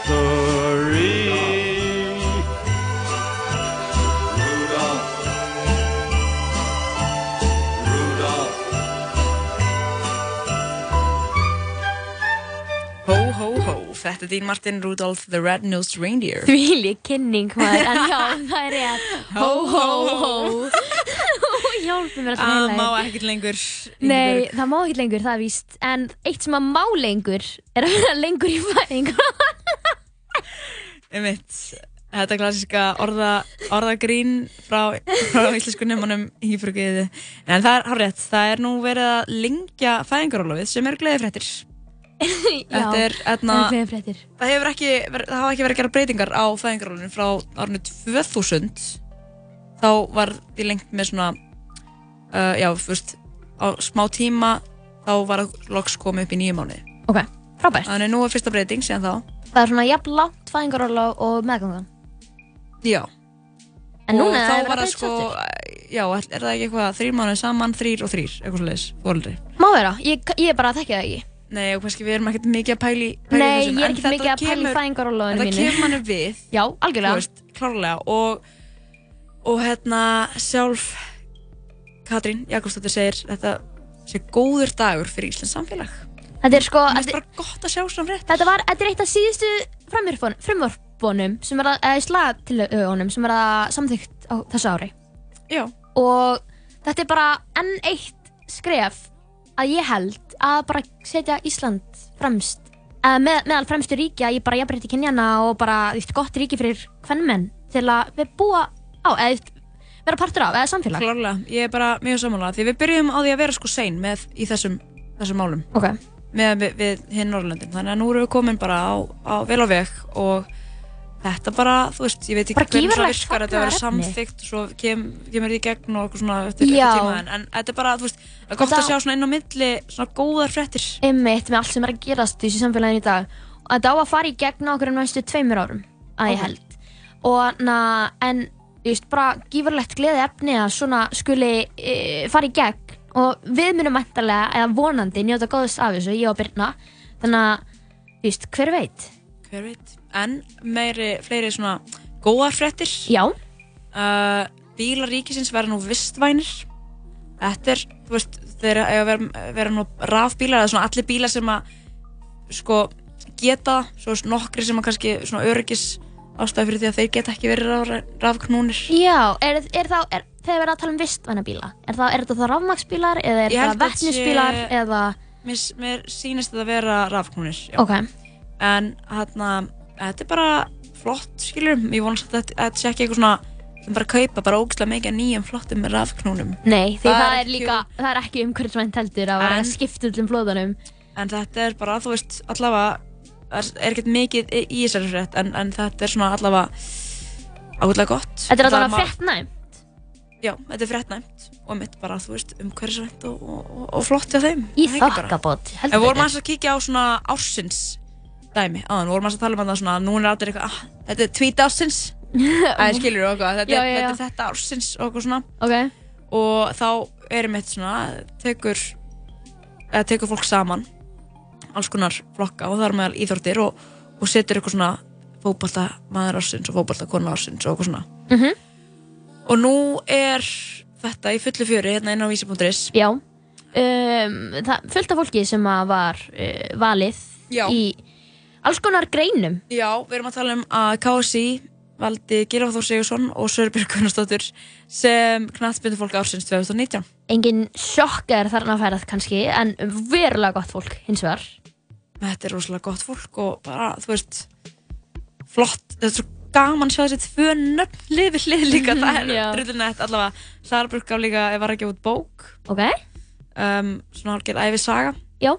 þannig að það er þetta að tjekka henni maður vil vita meira um, um þessa merkjulega konu Hún er ótrúlega flott sko svo hvað, það er eitthvað fimmleika fólk ársins og Já, heldur betur. Um, það voru þau, það voru áhaldafimleikar sem að hlutu vinningin í ár. áhaldafimleikar, þá ertu svona... Þá er það kæft á fjórum greinum. Það er á tvíslá, slá, golfi og stekki. Einmitt, segir mér ekki mikið. Þannig að, þú veist, hópfimleikar er kannski það sem er vinsætla, þú veist, að horfa á Íslandi. En það er svona stjarnan og gerplan, svona þessi rígur. Og þá Já, ertu, þú veist, að... dansinn kepp- og það. Já, þá er það dans og það er, na, ó, hvað kallar þetta? Ég held að það sé bara stökka eða eitthvað, það sem er svona, uh, er á... Hleypur svona. Hleypur, já. Ég veit. Og Einmitt, einmitt, fast trakk heitir dínan. Og svo er á, á stökk sem er, Já, þú veist. ok. Þannig að, en já, fimmleika kona ársins er sem sagt Agnes Sutu Tuna, held ég að það sé fórið fram. Mhm. Og fimmleika maður ársins er Valgarð Reinhardsson, en hann uh, náði besta árangri Íslandinga á heimsmyndstaramótinu með því að komast í úrslit á gólfi í áhaldi fimmleikum og vann það, og þú veist, var í áttundasæti þegar hann komst inn og vann sig upp um tvö sæti. Alright, lið ársins þar er stjarnan. Já, þau náðu öðru sæti á EM núna bara fyrir mjög stötu, nei NM menna ég, sorry og voru bara útrúlega flottar, voru með hæstu dansingurinn á mótinu, bara yfir allt mótið, yfir alla flokka og eitthvað, voru bara ótrúlega flottar Þetta er, minnst gaman að sjá svona ársins. Ég er sko, ég er svo sammála á því, bara Spotify Wrapped, allt þetta íþróttafólk, það er bara að vera svolítið að uppskera árangur Já. ársins, skiluru, og veist svona pínu svona, svona- jákvæðni eða þannig, að bara svona sjá hvað við eigum flotta einstaklinga í samfélaginu. En ekki nú er þetta í síðast skipti sem við fáum að vera í loftinu hérna á þessu ári. Já, vá, ég var ekki búin að pæla í Hvað því. er hérna, hvað stendur upp úr þér á þessu ári? Sko... Þú varst ekki útskrifast þessu ári? Ég útskrifaðist úr MR. Einmitt. Það var klárlega einn af Það var einn af hábúndunum um, og svo kefti ég í söngjarni framhaldsskólana Einmitt. fyrir MR og ég myndi segja að það voru svona tveir hábúndar svona af því sem að ég myndi segja frá í útvarpi þannig að já, uh, MR og söngjarni framhaldsskólana en hjá þér, Þú Birna verður að Ósk segja okkur núna hitt. Já, það er bara mjög persónlegt ég meina, Ok, þarna ok, ok, ok. Þú þarft ekki að segja. Já, nei, það, það er náttúrulega ekki lindamál bara, mamma mín var með krabba minn og Mm. náði bata í ár sem var bara svona stessi sigurinn Það er þetta mjög skemmtilega sigur. það var mjög, þannig að þetta er búið að vera svona gott ár Þetta er gott ár. og ég er mjög spenntur næsta ári, næsta ári. en nóðu mig, hvað með þig, Birna? Hvað var staðið upp úr? Jésús, þú veist, ég get ekki munað lengur aftur en bara tvo mánuði, sko. Já, það er ákveðið vandamál Það er mikið Þú verður vandamál. með svona gullfiska Nei, minni. nei, ég hérna, um, ætla að sé ekki bara, þú veist, hvað var staðið upp? Mér finnst það bara svo basic ári, hvað mér? Í alveg, nei, þú ert alltaf búin að gera margt Ég er búin að gera helling og ekki helling. Búin að standa þig, ok, á, á ég að vera svona á ég að koma með eitthvað sem að mér finnst á ég að bara, þú veist, ert búin að standa þig vel í skóla þú ert búin að vera hérna á stöðinni að vera með, byrja með nýtt hlaðvarp Já, ég byrja með nýtt hlaðvarp. Það var Það bara að vera síðustu Það- það- punkt- En það jú, jú, hlýtur að vera maður, punkti. ég, ég var að gera, maður fór á, já, heyrðu, crossfit-leikarnir, það var líka geggjað. Og það var bara fullt að geggju. Já, ertu að grínast? En eitthvað svona, þú veist, já, þú veist, svo, ég var búin að gleyma til dæmis, ég fór á uppistand sem þetta í gerð hjá Ara Eldjátt. Mhm. Það var svona tilhörnarsýningu og, og verði svo með svona það, svona best of í svo áramótaskópi sem hann er alltaf með. Já. Og þá er alltaf svona, er hann hann oft fyrir svona SMS, þú veist, að hann setur eitthvað svona, er sem ég sko, svo gríp, skilur, og þetta er ofta mjög skemmtilegt. Og þá er fólk að senda, þú veist, eitthvað sem gerðist á árinu. Já. Og þau verða sérst að tengjast árinu, þú ert ekki að fara eitthvað lengst aftur í tíman. Nei. Og það var bara fólk að koma með eitthvað inn sem ég bara vissi ekki að hafa gerst á þessu ári. What? Við erum að tala um að hata tók átt í Eurovision á þessu ári, sko. Þú hlýtur sem það hafa vitað að það var á þessu Ég ári vissi það alveg, ég veit það alveg, skilur. Ég er ekki að segja það, en ég var bara, oh my god, mér finnst þetta vera svona þrjú ár síðan. Í alvörinni, Já. mér, mér finnst þetta að hafa bara liðið svo fáránlega fljótt. Ég er bara í sjokki að þetta ár sé að klárast og það sé að koma þessi áratugur sé að klárast. Þú veist, ég er bara, eins og það að klára fyrsta önnuna í háskóla fyrir mig. Mhm. Þú veist, Ég man hvað, ég var óviss um hvað ég var að fara að gera, skilur Mér finnst Einmitt. fáránlegt að fyrsta önnin sé búin. Já, það, það Þetta er líður, það líður svo, allt svo ógeðslega hratt Sérstaklega því sem að reyna námi, finnst mér. Og, þetta, og svo líður tíminn bara hraðar og hraðar að því sem ég best kemst. Það er enda rétt. En já, þetta er, þetta er magna hvað maður gleymir, sko. Vá er var líka þessu ári fyrir svo sem ekki minna. Já, það. R.I.P. in peace eins og það segir mikið á stöðinni um, en já, margt Segjum við það mikið á stöðinni? Ég hef sagt það allavega á fjóru sinnum Þannig að um, það er allavega margt gott búið að gerast á árinu margt slæmt líka Margt slæmt líka, já. Já, já, já, við fyrir ekki út í það. Við, við ætlum ekki að tala mikið um það, nei, nei, við ætlum ekki að tala mikið um það. En það verður margt að gerast hjá okkur næsta ári og við bara erum ógæslega spennt fyrir þessu og mikið að góðir tónlist sem að koma líka út á þessu ári. Það er enda rétt. Uh, talað um góða tónlist. Þá er, og tíminn að líða, mm -hmm. rætt. það er lagið Raðar af Lónum 2 tilvalið sem næsta lag.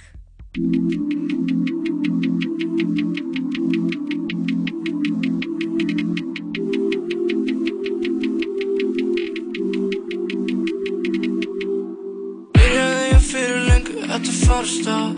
hugmyndum að hvernig þetta væri á. Á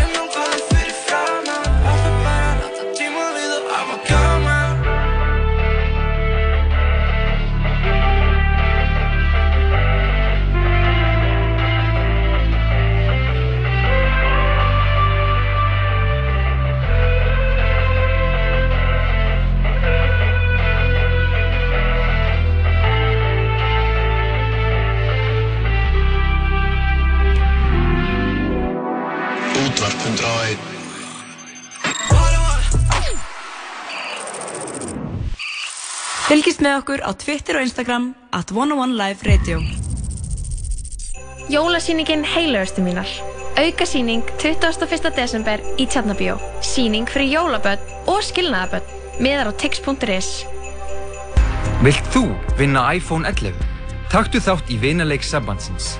Sambandið. Símafélag framtíðarinnar. Góð þjónusta breytir öllu. Sæktu nýja Íslandsbanka appið og vertu með alla helstu bankaþjónustu á einum stað. Íslandsbanki.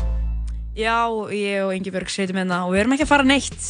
Að nei, ekki vilið því miður, kæra listandi. Og kannski sittir þú líka í umferðu og ert ekki að fara neitt, kæra listandi. Nei, þannig að það er nóg, við erum búin að ræða ótrúlega mikið í dag. Já, við höfum aldrei talað um jafn mikið. Nei, ekki ég allavega, nei, við ekki erum með ekki þig. Nei, og na, en eitt af því sem að ég, sem að svona er ákveðin dealbreaker ef ég leiði mér að sletta í verðandi jólin, Já. er hvort séu hvít eða rauð.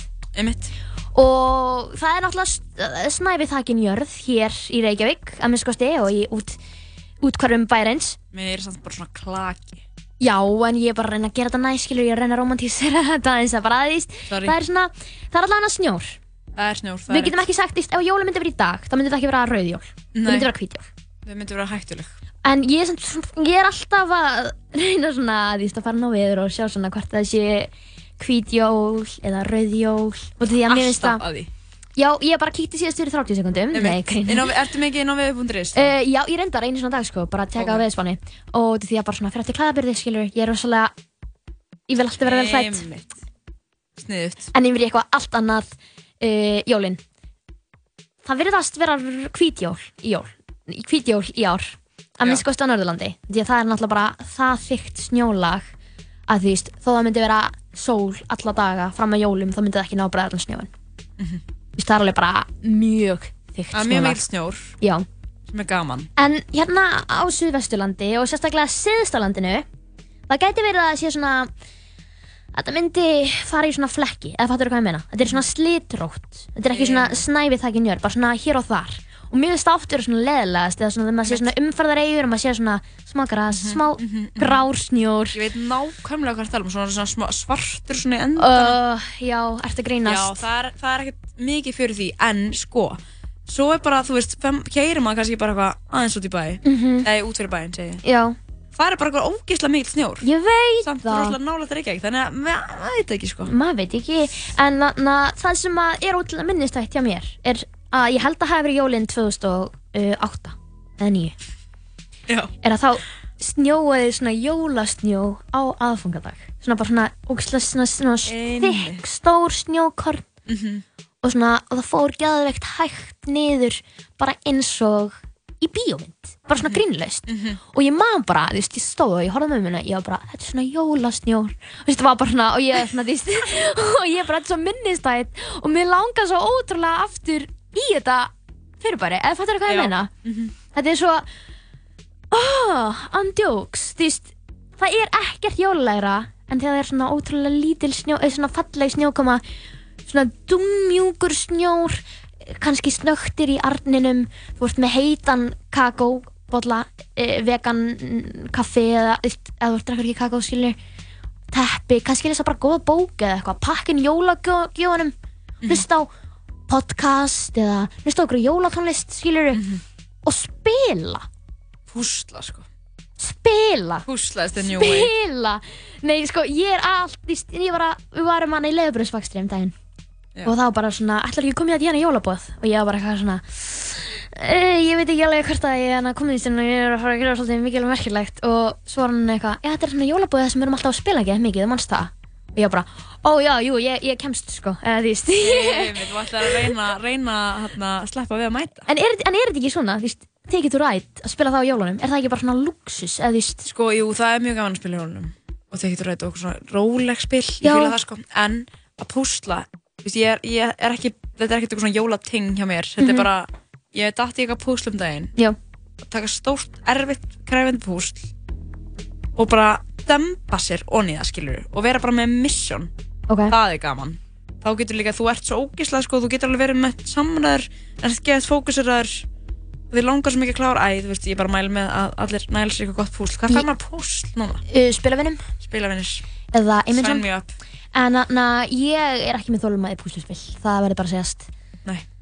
En ég, ég sem sagt elska Monopoly og Ticket to Ride og ég lakka mjög mikið til að spila um jólinn því að það er bara það skemmtilega sem ég veit því að mér er svo gaman að vinna því ég er svo mikið kemskap.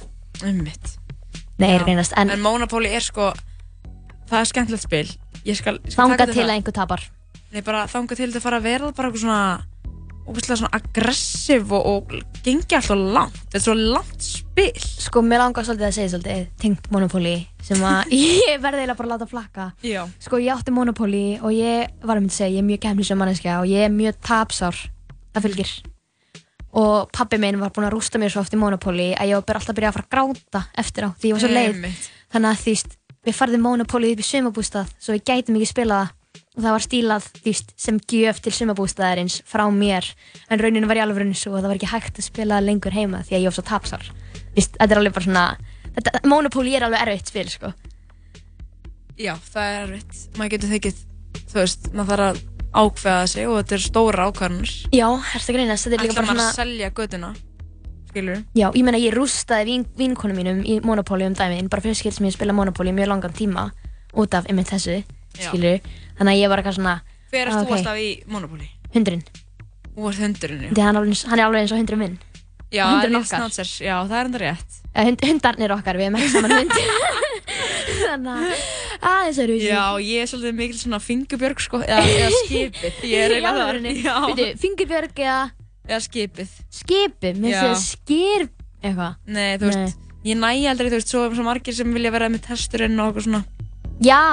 margir sem. Já, er svona, svona platta. Og svo er endar, þú veist, vagnin eða þannig hjólburðan, æ, við, maður, veist, maður er alltaf með svona eina típu þarna sem maður, sem maður sækir aðeins meira í. Já, ég meina, því svo vill alltaf einhver vera bílinn.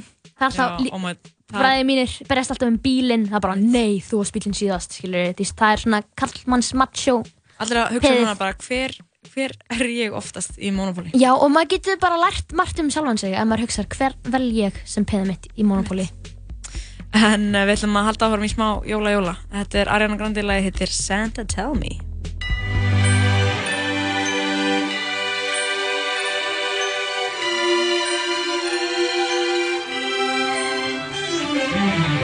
Santa, tell me if you're really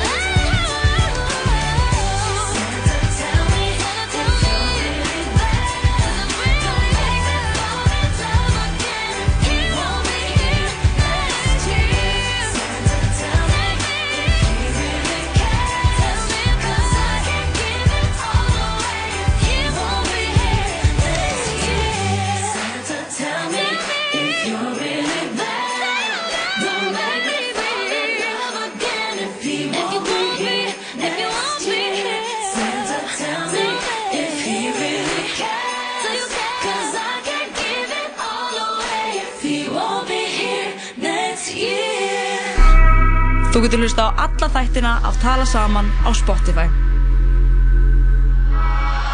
Radio Sedora Öll 15. kvöld frá 8 til 10 á útarpundra 1 í bóði íslensku hambúrgarfabrikunar Ég er ennþá rich eftir að sjá þetta sér Jólatónleikar Young Nico Drippin 24-7 og Daniels á Gauknum 18 plus 20. des 20 plus 21. des Komum að upp með okkur með henn á tix.is Let's go Let's go Tempóið verður hátt í Dominos deildinni í vetur. Á ekki öruglega að mæta á völlin.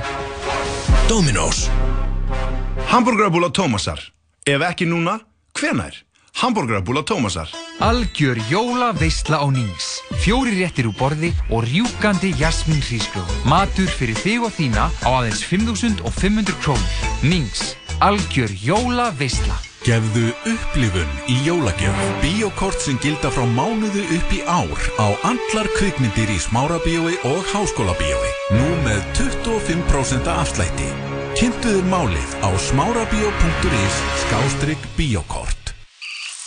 Þú finnur fréttir, þætti og tónlist á heimasíðun okkar 101.life Það er hár rétt, Ingebjörg og Birna eru þetta með þér og við erum að leiða hann síðdeist áttala saman Já, heldur Þetta betur. er skilt sem við erum tvær saman en, en uh, í dag þá fengu Jói og Lóa að taka smá persónlegan Já. það. Bara vel verðskuldaðir að mínu mati. Manstu, hef, tókst þú persónlegan í, í mennskóla? Á maður segir svona í útvarfi, eh, já, já, alveg nokkur sinnum. Svo í hendar, þetta er ekkert mál Þannig, já, já, maður tók alveg persónulegan og ég veit ekkert, ég, veit, ég held ég veit ekki um neitt sem að hafa ekki tekið persónulegan á til. skilurðu. Persónlegur er bara mjög mikilvægur Út af því að þú veist, mér finnst ótrúlega mikilvægt líka bara að þú veist, sérstaklega þeir ekki mikið í félagslífinu og eitthvað í mentaskóla sem þú veist, náttúrulega við erum að tala um mentaskóla út af því að það er ekki þar annars staðar en í mentaskóla.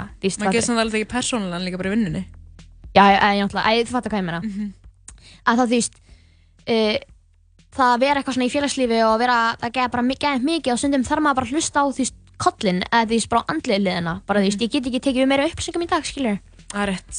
Og, og hérna þá bara tekur maður persónan Er það greinast? Ég, samt, ok, ég er ekkert að hveita til þess að maður beili Nei, skilurðu. nei, nei, nei, alls ekki. En bara, þú veist Nota þetta sparlega. Það er bara mjög mjög mikið rétt En við erum bara rúlegur, það helst í fréttum og það er, þú veist, það er ímislegt að frétta Við erum að tala um að það er drama í allir geta dansa til dæmis Hæ? Já, við erum að tala um að Hafi hafi verið rekin úr allir geta dansa eða allavega svona Já, þú veist, látin fara úr keppni Þetta er keppni sem er núna búin að vera í hvað þrjár vikur Ertu greinast? Og hann var að dansa við hann að Vilbergu? Já og, Pólfara?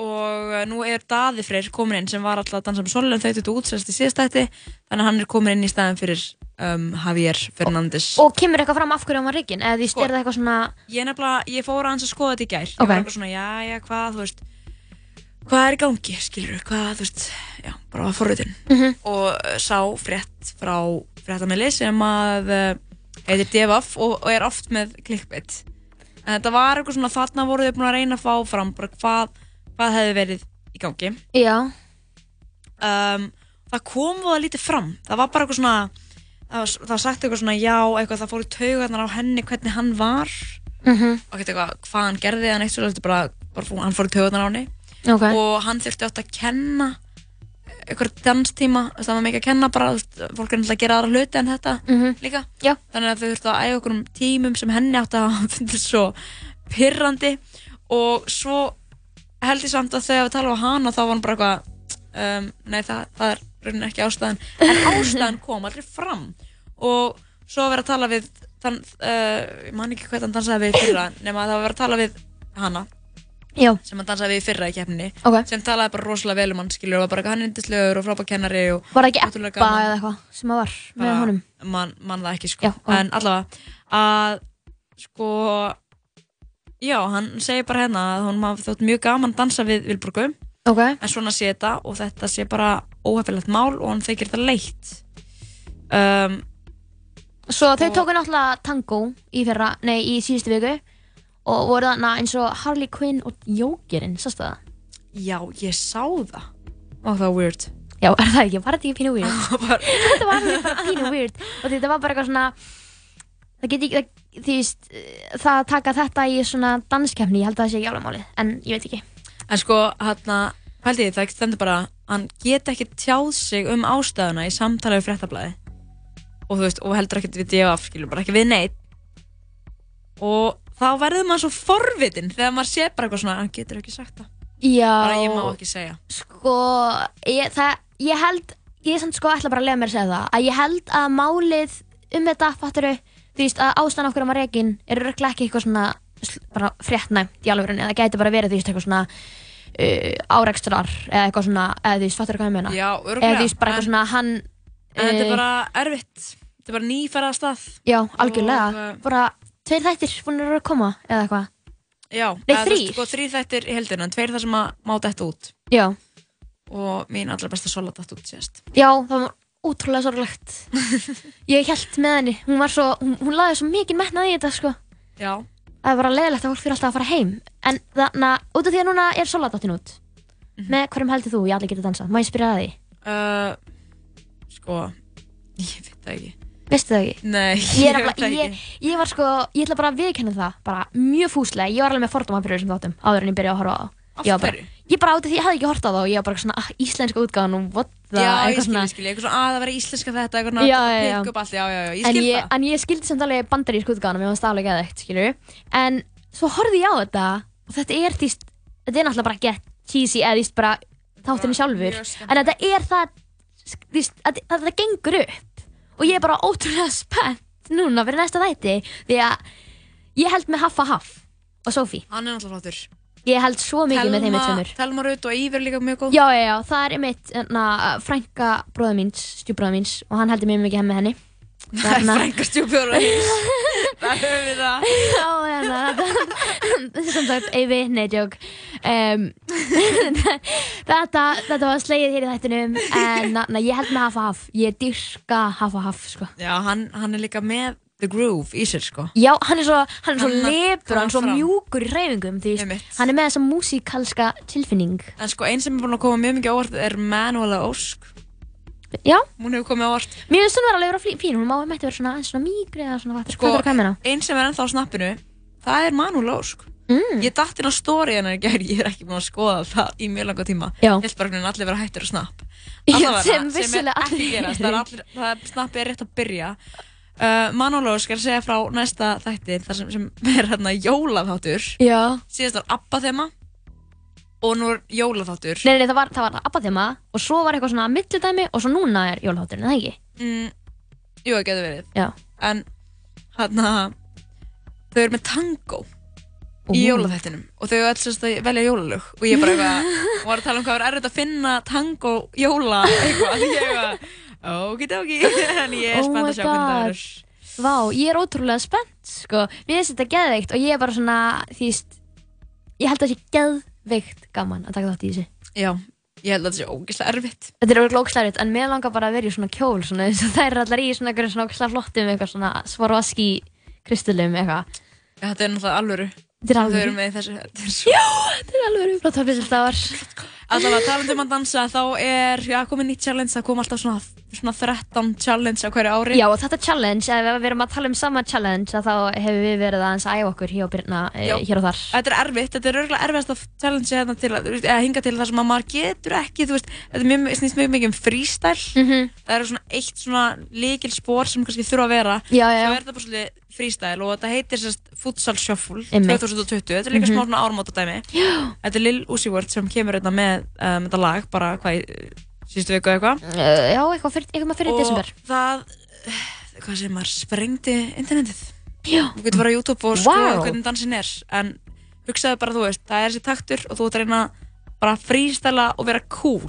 En var Á meðan. loksins dans fyrir þá sem að geta ekki, þú veist, fest eitthvað, dansi í sig, þetta er bara freestyle, skiljur, þú þarf ekki að það læra er dansinn. eiginlega verra, af því að maður getur alveg oft lært bara eitthvað basic. Já. Þú getur alveg lært eitthvað kiki, do you love me, dansinn, skilur við. Já, ég lærði Þú það veist, það er aldrei. bara eitthvað svona Ég lærði, hjarta ég og lærði eitthvað. þarna hold down, throw down dansinn, mann mann eftir því. Já, já, já, ég man eftir þetta. En þetta er það nýjasta sem að krakkarnir eru að gera. en þetta er skemmtilega lag, við ætlum að fá að hlusta þetta Lil Uzi Vert, lagið heitir Futsal Shuffle. Yo, sing this shit. Are y'all fucking dumb?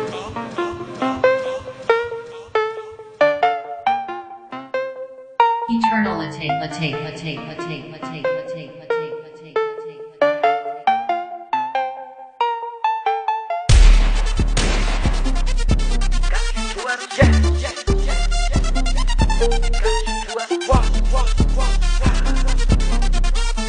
Yeah girl, she got with my clone. I told that little girl that she gotta just do better. Are you serious? I swear my money is serious. Okay, all my checks, I just be clearing it. She on my dick till she get delirious. Okay, jump on the jet so I'm clearing it. Okay, pop, but I'm not talking new. Okay, smoke that boy just like a cigarette. If that boy try to make a fuss move, uh, I'm on some whole other shit. I got a whole nother rich. I'm on a new level. I was fucking on your bitch. She was riding on my dick. She ain't need two pedals. I swear these niggas, they bitches. I swear they all gonna snitch when my niggas gon' shoot at them. Niggas, they mad about this. Niggas, they mad about that, but it's only if you let them. She say my name in her phone. Only thing she say me under is probably that you let her. No, I don't got proper loan. Only thing in my pocket is probably I'm some blue cheddar. She try to leave me alone. Then she got right with my clone, and I hope that she do better. I know it's blue cheese on me, but when I got 50s on me, I call that shit loose cheddar. Jeremy Scott's all on my feet. I had a cougar with me, so I call that girl Coretta. I am the richest nigga in my city. I can make it rain like no matter what's the weather. I know that girl, she got swag, but when it comes to putting it together, she could do better. I sent that girl a DM. She ain't answer me, so you know that I gotta shoot two at her. Yeah. Gotta shoot two at her. And you a little Uzi? Gotta shoot two at her. I stay with the blue cheddar. That girl she got with my clone. I told that little girl that she got it, she's do better. Are you serious? I swear my money is serious. Okay, all my checks I just be clearing it. She suck my dick and she get delirious. Okay, jump on the jet so I'm clearing it. Okay, pop, but I'm not talking new. Okay, smoke that boy just like a cigarette. If that boy try to make a fuss move, whoa, they try to cut me they say I'm too low, yo, turn me up. I said turn me up. I cannot hear my flow. Whoa, whoa, I ain't never been no fool. Do what I want, I'ma bend your rules. Yo, I'ma take a dub, I'ma win. I ain't never been no type that lose. Yo, born like this, I ain't did no study. Everything I got, man, I got it in a hurry. If I love you, better say that you love me. And if I trust you, better say that you trust me. Talk about the bag, the moolah, the guap. I'm at the bank, only time that I'm running. I said I'm on the road, no, I cannot stop. I'm running through obstacles, I'm in the hole. Whoa, oh, stop that. Told fun nigga just drop that. If we shoot first, we gon' pop back. Marginal on me, long nigga, that's not that. What you got on? Prada sweatsuit made of nylon. Say my righteous girl, yeah, she say right on. When I hit that girl, right with the light on. When I hit that girl, on. Gotta shoot two at her. I gotta shoot two at her. I stay with this blue cheddar. That girl, she got with my clone. I told that little girl that she got it, she do better. Are you serious? I swear my money is serious. Okay, all my checks, I just be clearing it. She suck my dick and she get delirious. Okay, jump on the jet so I'm clearing it. Okay, pop, but I'm not talking new. Okay, smoke that boy just like a cigarette. If that boy try to make a fuss move.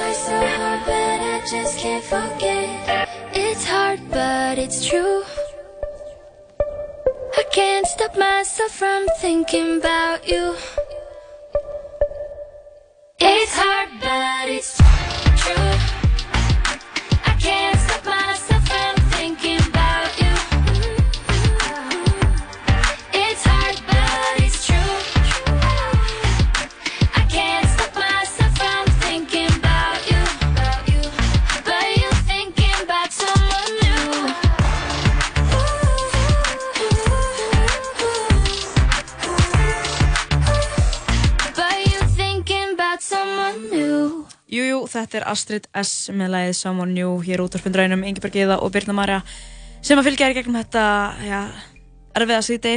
Já, er það allt í einu erfitt? Við vorum bara að tala um sem það gett létt. Ó, nei, alls ekki létt. Nei, bara er svona létt, ekki, ekki svona létt eins og því slétt erfitt, heldur bara svona léttir í lund, fattur þau? Já, nefndar léttir í lund. Satt. LLK, léttir lúfur og kátur. Er það eitthvað?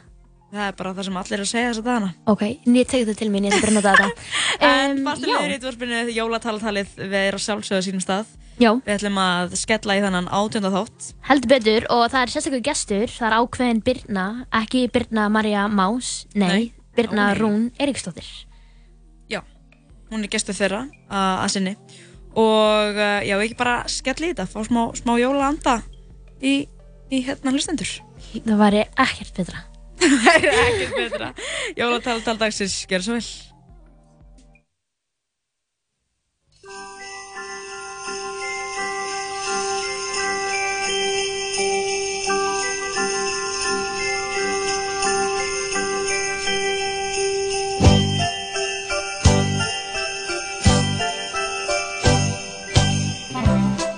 Já, komið sæl kæru hlustendur og verið velkomin í Jólatalatal.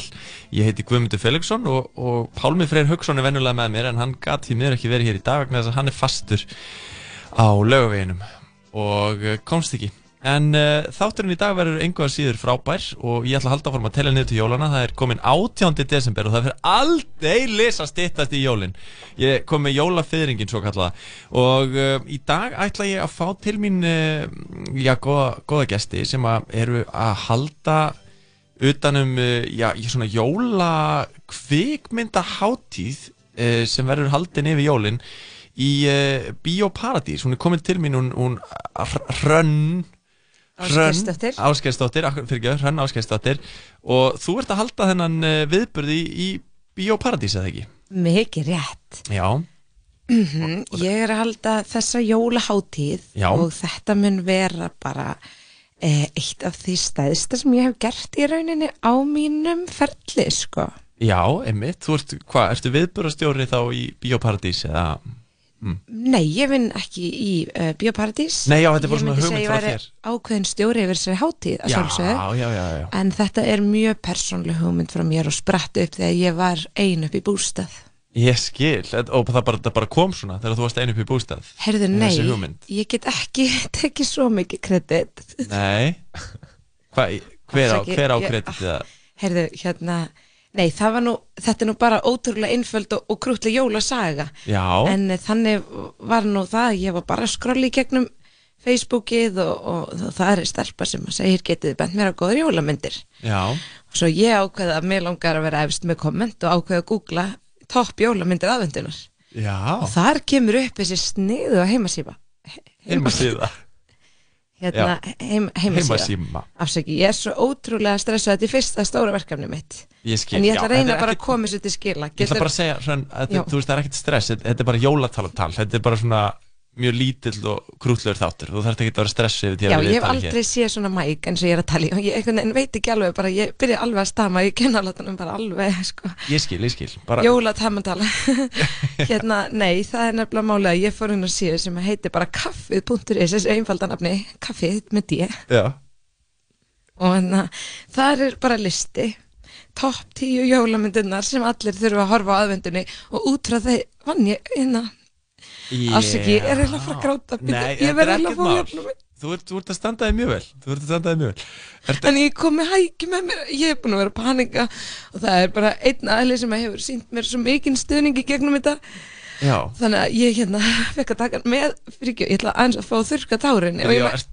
já, ég það... mætti bara aðeins erst... Hver er, halló? Ég, ég get sko alltaf ekki við, Beti, hver... Sko ég sko oftaga, ég talaði svona mæk, ég oftaga sjúrið SM7BMX sko. Fyrir ekki, hver er þú? Þú ég... varst að koma hérna bara inn í stúdíu og ég sá að þú varst eitthvað að laumast og ég, gæjast eh, og... Uh, ég heiti Brandur Kjarni Bárðarsson Já, ok Og ég, eh, ég er hækjan í aðeins sko Ég skilji Ég sko oft hana í svona mæk Ok, Brandur, erst þú að skipulegja þessa kveimitahátíð? Nei, ég skipulegja sko hátíð til að vera aðal sko En, en ég... Yeah ég er Ég mun koma með alla viðbúðina sko. Ég skil, ok, þannig að þú ert svona aðdáðandi Já, aðdáðan, eða svona sérfræðingum meira finnst mér Já, betur sko. Aðdáðan, Aðdáðandur þeir horfa á sumt sko en Sérfræðingar, þeir horfa á sko allt. Ég skili uh, ég, ég, ætla nú, afsakið. ég ætla nú reyna, reyndar að kannski að byrja bara á því Brandur fyrir ekki að fræðast aðeins um bara hátíðina og Já. svona Þannig að ég kannski tala við þig bara eftir. Já, ok, Já. ég er með farmvil Ha, Ég er með farmvil, ertu með? farmvil Já, í símanum. Já. Ég skil. Var bara, Brandur kom sér sett bara, ég opna, Já, takk ég- Brandur, ég opnaði með Essulun í fyrra dag og, og hann var mættur og hann keifti eiginlega bara það mikið að ég gætt í rauninni borga sjálfur mér laun fyrir fyrsta daginn í vinnunni. Þannig að ég hérna já, ég bara einhvern veginn langaði laununum þetta tilbaka og Ég skil, og, og þú ákvæmst að taka hann með í viðtal bara til þess að steyðja þig. Já, ég komst bara að því einhvern veginn eftir spjalli okkar og áttu reyndar langt spjall og hann, hann Brandur er s- hann er flottur strákur. Já. hann veit ímislegt um hann veit svo margt um kvikmyndir og mér er svo gott að hafa hann en Já, Ég í rauninni veit nefnilega kannski ekki mikið um kvikmyndir en, en ekki meir en ég fekk hérna upp úr greininni minni inn á kaffi, kaffið.is Já, einmitt, þú, sem sagt, bara þannig ég fara aðeins í það Þú fórst að, og googlaðir jólamyndir. Já, bara út að ég ætlaði að vera virki í kommentakerfinu. Akkurat. Uh, og þar kemur fremst á lista Love Actually. Já, frábær mynd. Og það var að stendur svo einfallega hérna er svo ólíklega vilt til að einhver hafi ekki séð þessa? Myndin rekur nokkra sögur í einu hjá nokkrum karakterum sem allir tvinnast saman á einhvern Er, allar bara, hérna. Allar bara að koma hérna þetta viðtal og lesa um myndirnar? Ekki það sem að þú ert að segja sjálf Nei, heldur bara það sem stendur á kaffið.is afsaki, ég þarf ekki að gera það alltaf. Ég hef bara ekki séð þessa sjálf sko. Þú hefur ekki séð Love Actually Nei. Geggjumynd sko. Já, rosalega algjör jólamynd. Ótrúlega góð leikari. Er? Anna Rickman, Hugh Grant, Emma Thompson Fleiri og fleiri. Já. Liam Neeson er líka. Kira Knightley á stórt hlutur ekki fyrsta sinn. Geggjumynd sko. Já. Svolítið OPC á síðar árum En ég hlust ekki það sko. Nei, hann ætlar einmitt að vera með Q&A eftir þessa, svona, þetta verður frumsýningin á hátíðinni. Já. Og við höfðum samband. Já, bara Q&A við mig sko hvaðan styrmyndina, varst þú flott? Ég svona stakk upp á þessu og Það var ekki alveg að vera að taka í því byrjun. Það er ekki nú að nota salin eftir og þannig að Brandur, venjulega er svona Q&A eftir myndir við einhvern aðstandanda myndarinnar. Já, við reyndum að hafa samband. Já, við reyndum að saman til Hugh Grant og Anna Rickman. Eh, Hann er þetta dáinn. En uh, Liam Neeson. Er hann dáinn? Anna Rickman er dáinn. Ég er búin að vera að senda honum mail í þrjá daga. Já, hann dó fyrir nokkrum árum sko, þannig að það- það var ekki góð með þér En ég verð með Q&A eftir sýninguna og getur fólk spurt mig eitthvað, hvað er styrmyndina og ég eitthvað, þú veist, getur svarað einhvern veginn því. Heyrðu, það var líka kannski bara að fá nýta tækifæra menn er í svona alveg stúdíu og bara byggja fjölskyldunum hans innilega afsökunar. Og já, að maybe að they speak English. So hérna hvað, heitir hann? Ertu, Anna heitir Alan Rickman, líkur Snape Ok. í Harry Potter. So the actor Líkur í that- Die Hard, annar í jólumynd So the actor who plays the snake in the Harry Potter Snape, ekki Snake Snape, Severus hélt- Snake Snape. I just really want to say sorry because I thought you were alive. Uh, so you hérna so the family of him I'm so sorry that I thought he was alive. So just delete the email. You don't have to answer about the Ok, hrönn, hrönn, hrönn, þú þarft ekki að vera að byggja fjölskyldunars afsök Var þetta einhver svakalegu tölvupóstur sem varst að senda þeim? Nei, ég bara, ég varð bara, bara smá reið að fá ekki svar fyrst. Já. þannig að þá sendi ég honum vídeo af mér þar sem ég var að sína honum alla bioparadís og, Vá. Já, og svo hann að, og svo enda ég á einhvern veginn að fara inn í sjoppuna og kasta poppi í myndalina og segja, mér finnst þetta dónalegt og hann svarar ekki, og nóga peningum til að fljúa hingað. Já, hérna hér. En, en það er allt í læg Já. hérna, hann er dáinn og hann sér þetta öruglega aldrei. Númer tvö, Bad Santa Já, er það mynd nummer tvö sem er, sem er sínda hátíðinni? Já, Já. Það, og hún var bara akkurat nummer tvö en svo fyrir röðin að riðlast Hvað getur þú sett mér um kvikmyndina Bad Santa? Herðu, þar erum við með tvo glæpamenn sem að uh, pósa sem jólasveitnin og hjálpasveitnin hans í Vestlunarmiðstöð til þess að ræna hann á aðfangdaskvöld Erstu að lesa þetta? Hefur þú séð þessa mynd? Herðu, já, ég horfði á hana í gær með mannin mín mútið þessu viðtali en ég Já. sopnaði þegar hún var á færtust og þ- þriðju mínútu sagði hann hann bara með maður klára hann í dag. Ég sé hann áður en hann verður sínt sko, Já, en, já, já, já. en fólk er að segja að hún sé góð. Frábær mynd Billy Bob Thornton með gott hlutverk. Lítill svartur dvergur sem er aðstöðumæður sem leikur Alf. Gekkju mynd. Og það er með þess að komið nummer 2 hún gekk svo vel. Þannig að hún er alveg halinn pening sko. Ég er með Q&A eftir hennar Þess að fólk getur spurt mig hvað mér varstu myndina Áður hann stuð. Ert þú með Q&A eftir þessa mynd líka? Já, ég líka, Og ég hoppa milli sæla ég ætla bara að fara að skjóta inn, þá verður happy hour líka. Þannig að eftir Bad Santa þá erum við með happy hour í tvo tíma og þá, er þetta, og þá erum við búin að redda þess að Mike, ekki svona flottum heldur bara svona venjulega mjóum og snúru Býtu, þá eru þið búin að redda Mike Eru þið búin að redda Mike fyrir öll Q&A Eða verðið þið bara búin að redda Nei, Mike að því fyrir hinn þetta gerast Q&A? bara inn í bíósál og þá kallar hann bara upp Já. og þarna verður Já. mækurinn frammi á barnum Já, í verður Q&A bíópartís eftir Bad Santa frammi í Bíópartís? Já, það sem að bara í rauninni að því að eins og ég segi, þarna fyrir rauninni að riðlast þetta er á frumsýningakvöldinu Aha.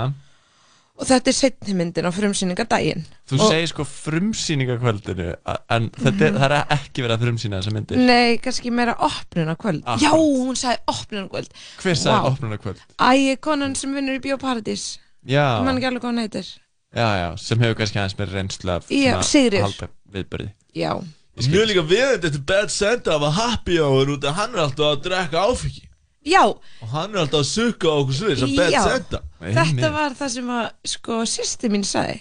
Kannski hugmynd að, að Brandur, þú værir í jólasveinabúning í Q&A-inu Nei.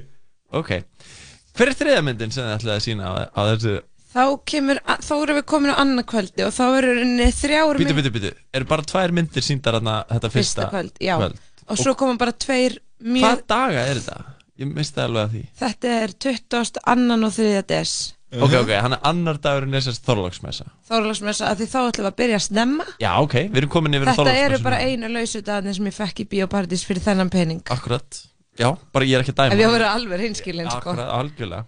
Eh, Mjög skemmtilegt. Já, vil ég fá næstu myndir á, á Þorlagsmessu daginn? Já. Þá byrjum við Þorlagsmessuna en mjög snemma klukka nýju morgun Die Hard Die Hard, klukka nýju um morgunin Já, ég var ekki að sjá að þessi mynd væri jólamynd en svo frétti ég að hún gerist á jóladag. Já.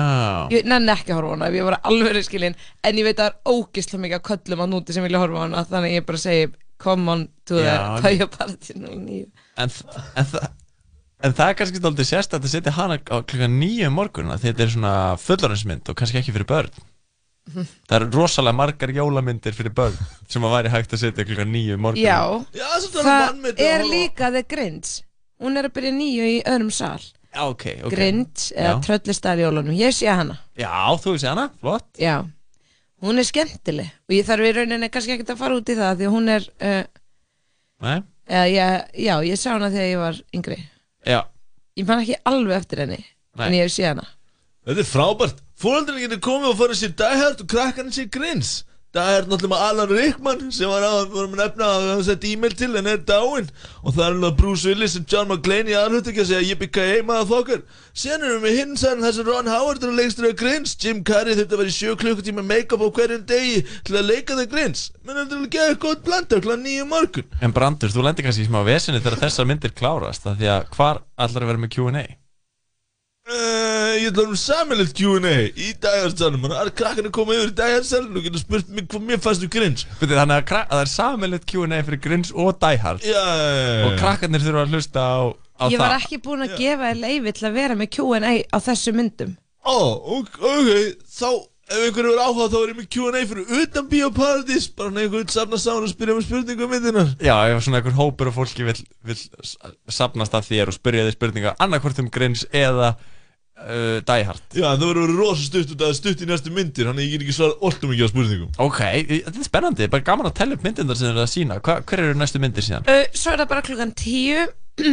Þá er, Tíu um morgunin já, Klukkutíma eftir að hina myndindar nei, byrja. í þriðasalum þetta eru þrý salir Já, já, ok. En við, Sæligummi við gátum Þannig að ekki það byrjað overlappar, þarna. sem sagt. já, eða, þú veist, við urðum að byrja þarna og eins og hann keift sér miða á þær allar en það er náttúrulega bara til að styrkja þessi grundáttu og geta labbað á milli, hann vill geta labbað á milli.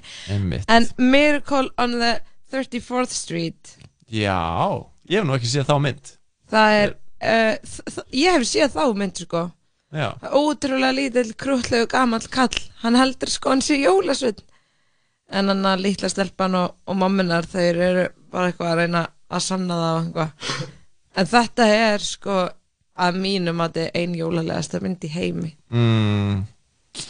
Hún er sínt þarna klukkan 10 um morgunin á, á Já. þálagsmessu dag. Svo bara í hádeginu þegar Já. allir eru búin að og þá verðum við með happy hour í hádeginu. Ok, á koktelum því þá erum við að fara að hoppa yfir í The Holiday. The Ég sé hana- Holiday. ég fór einn svona date og þá horfði ég á Holiday. Já, fórst í biodate nei, hann downloadaði henni. Já, já, já. Þá var hún nýkomin út Var það um jólin? hvenær kom hún aftur út? Örgulega um jólin einhvern tíðan já, en mannstu hvað árið þetta var? Á, 97 já, passar ég var 17 ára Ok, þá hann að kemur The Holiday út og hann bara bing En var deytið um, var deytið um jólin eða? Eða var það ok, þetta var ekki 97, hún var nokkur ára það var ekki alveg hægt að downloada myndin Nei, þetta var eiginlega bara leið 2000, ég var með 2000 Sæði 97 Já. Þú sagði 97 en að Brandur, ég held að þú væri sérfræðingur í bíómyndum. Æ, ég, ég var að rugglast á hérna Holiday Inn. Eftir Polanski sem er mynd sem kom aldrei út og engin veit um en hún kom út 97 The Holiday, já ég þessi 2007, eitthvað leis Cameron Diaz, uh, Jack Black uh, Kate Winslet. Brandur, erst þú búin að læra eitthvað um kveikmyndir eða? Ég bara meira svona að læra Búin að horfa svo mikið á bíómyndir. Eftir ég sá Jurassic Park þegar ég var alltaf þryggjára Þá var ég að horfa á allar bíómyndir eftir það og Það er svo trúabröð mín eiginlega. Já. Ég er svo mikið að fylgjast með bíómyndum og fara í bíó. Ég er svo hrifin alltaf bíómyndu hátíð Og ertu svona fastagestur í Bíóparadís og... Já, algjörlega, ég fæst það gestur Ást með síningar áður eitthvað Ef ykkur með Q&A spurningar þá getið spurt mig Og það fikk ég Fyrir fólk, ertu eitthvað tengt um myndina eða eitthvað Ég eitthvað, nei, er bara fæst gestur í bíó Og er fólk stoltið að spyrja þig? Nei, getur þú svo mikið en stundum spyr mig ykkur, veistu hver klóstið er eða veistu hver getur keft annan miða eða ja, Er fólk að spyrja hvar get ég keift annan miða? Og þú svarar í Já, miðasölunni. Já, það keft á netinu, kannski ég veit ekki hvað miðasalinn er eða eitthvað Já, já, já. slags Þótt að hún sér fyrir hliðina þegar þú lappar inn í bíóið. Aha. Stundum segir ykkur, það er ykkur fníkur inn inni, getur þú rettað þessu eða, eða hljóðið eitthvað skrítið þessu mynd, getur þú Já. talað við teknimannin, þú ert alltaf að láta þessu á vinnunina Þannig ég er svona maður fólksins í bíóparadís. Væri ekki bara sniðut að þú myndir fáið vinnu í Bíóparadís? Jú, átt svo dum, þau vil ekki ráða mig. Ég skil. Ég er uppbúþringandi Ok. Ok. Uh, Herru, en við erum alveg að vera búin að hana, komast yfir Ok. okay. dagskrána. Þetta er ro hljóma rosalega spennandi. Ég er, mér er alveg sama hver var að leiki þessu eitthvað hannig af því að ég ætla eiginlega bara að segja ykkur ég var á þessu deiti. Já, við varum að horfa á holiday. Já. en ég náði aldrei að klára hana af því að hann bara bregði að svo hjá mér strákur. Já, það er að Hann byrja, þið, hann byrja, þið byrjaði að sjóðu saman sem sagt. Já, að veist, hann, hann byrjaði á því hann kisti mig og svo byrjaði ég að svo hjá hann Ok. Uh, Já, en kannski bara einbyttum okkur hrann að ég að tala um kveikmyndaháttíðina algjörlega, ég er að reyna að gera það hérna. Akkurat, akkurat. kannski kemur hann á holiday myndina og þið getið eftir fyrir að kýsast Já, það var þetta skemmtilegt. Nei, ég er gift kona í dag. Oh. uh, Allána, þannig þálagsmessa og það er frekar pökku dagskrá. Þálagsmessu eða ekki? Það eru kannski einhverja fleiri myndir Já. Síðasta sem við tölum um er í hátteginu tveim sölunum Í hátteginu já, er Christmas Vacation algjör klassík. Já. Og Jingle All The Way. Ah, Þetta er alltaf þessum lista á kaffið.is já, bara beint, það var bara Christmas Vacation var nummer 7 og Jingle All The Way var nummer 8 Akkurat. Þá fengur þær bara að koma næst. Já. Og svo, þetta eru, þetta eru tíu hérna, myndar listi, eða ekki? Það eru tíu myndir á þessu, þessu festivali. Heru, það eru 20 Já, ok, wow Viltu kannski bara fara hratt yfir Já, það sem við erum Jack eftir? Já, Jack Frost er að byrja kláðan 2 sem er bara... Nei, hérna, sæði töttu. Já. Herru, þetta eru 10. Já, ég held það. Ég var hérna, ég held að kaupa svo að, já, ok, ég er aðeins röglega í reikningi. Wow. Herru, þetta eru 10 myndir, en málega er að nokkrar báðunum okkur um að sína aftur um kvöldi á Þorlasmössu. Ok. Þannig að þetta eru í raun... Hérna, Jack Frost er hérna, hvað, klíkan 2 þrólsmessu Já, tókum tíma fyrir 20 myndir en myndirnar eru 10 Já. Sum spott nýtum við ekki sum spott ætla ég að nýta. Það hljómar allt freka flókið. Bara trúðu mér að setja upp kvimlhátti er ekki bara eins og að skeina sér sko, það er bara mjög flókið. Kanski flóknar en Sumir þig heldur þessi grunna alveg eins en það er ekki svo að skina sér. Nei, það er bara, þú veist, ég er alveg að skeina mér á það sko. Já, einmitt. Og svo náttúrulega verður að vera home alone hann, eða ekki? Herði við endum á hana Home Alone. Svo kemur hana bara algjör double happy hour eftir Home Alone. Double happy hour? Já. Hvað þýðir það? Það þýðir í rauninni að þetta er bara happy hour með 20% afslætti. Ok. Þannig að það er Þannig þá afsláttur ofan að afslátt. Það ætla ég að vera með klassíska Q&A. double happy hour. Happy hour með 20% afslutur Já, Double. Það ætla ég að segja að vera með Q&A bara um hátíðina og hvernig gekk að setja upp hátíðina Já, já, já, eftir. Home Alone inn í sal Ok, og, og þá getur fólk spurt þig svona hver- Var þetta eins og skeina sér? Já, og ég segi nei og svo ætlum við kannski aðeins að svo ætla ég að fá Baldun setuleikstur að koma Já, akkur að því að hann setti hérna, hann gerði Lóð mér að falla Já. sem fellar um dóp og leikarinn í Home Alone er búin að vera úslega mjög dópi Já. Þannig að hann ætlar að koma í rauninni bara til að tala um, Tala um úlinga í neyslu. neyslu. Einmitt, þannig að það verður svolítið svona Já, dagskráin eftir Home Alone verður þú að tala um kvikmyndaháttíðina og Baldvin setja að tala um Börn- börn í neyslu, börn í Einmitt. neyslu. Þetta hljómar allt rosalega spennandi. Þannig að ef vil ég koma á þólasmessu og hlusta Baldur setja tala með eiturlega neyslu svona rétt fyrir jólun þá er þetta staðar til að koma á sko. Já, og, og við getum líka bara komið í alls konar Q&A hjá þér, Brandur. Já, ég hef með Q&A-an eftir Home Alone í öðrum sal sem eru tómur og það er ekki verið að sinna þetta Já, einmitt. Einhvern veit hvað Michael Culkin er að gera í dag þá ég reyndi ekki því að segja hjá Baldurinn setu en ég get líka alveg sett ykkur Hvað er Maskali Kölkin að gera í dag? Hann er með podcast og bróður hans hérna leikur í Kirjan Kölkin leikur í Succession og hann var alltaf giftur Mila Kunis Ok, mjög lengi sem er núna með Anton Kutcher Já, en já, já, nú er hann bara með podcast og bara alltaf lífar á Home Alone peningunum Ok. sínum og Ok, nice. En Brandur keipti spotti sem ég er ekki að nota þannig að hann getur náttúrulega gert það sem hann í þessum sal. Já, Já, ég er með þriðasalinn hann er frá 8 til 10 á Þorlarsmessu Ok. En ég náði ekki að kaupa hennar mynd Þannig að einhvern veginn Q&A bara með mig um líf mitt Skilu og geta alveg mætt það skilu. Já, já, já. Ég var að díla við XM núna þessi Ok. dagana Sem kannski ykkur tala um Ok, það er flott að vita, Brandur? Já, ég ætla bara aðeins að mjúta mækinn þinn núna. Ég er með bloggi mitt Já, Brandur. Brandur, Brandur blogspot Hérna, Hrönn, takk, takk kærlega fyrir komuna í jólatalatal. Gangið þið mjög vel með þetta. Vá, takk. Oh my god, ég sé góð Ertu stressuð? Nei, bara ná mig niður en Já, þetta er hvernig, búið núna. hvernig var ég?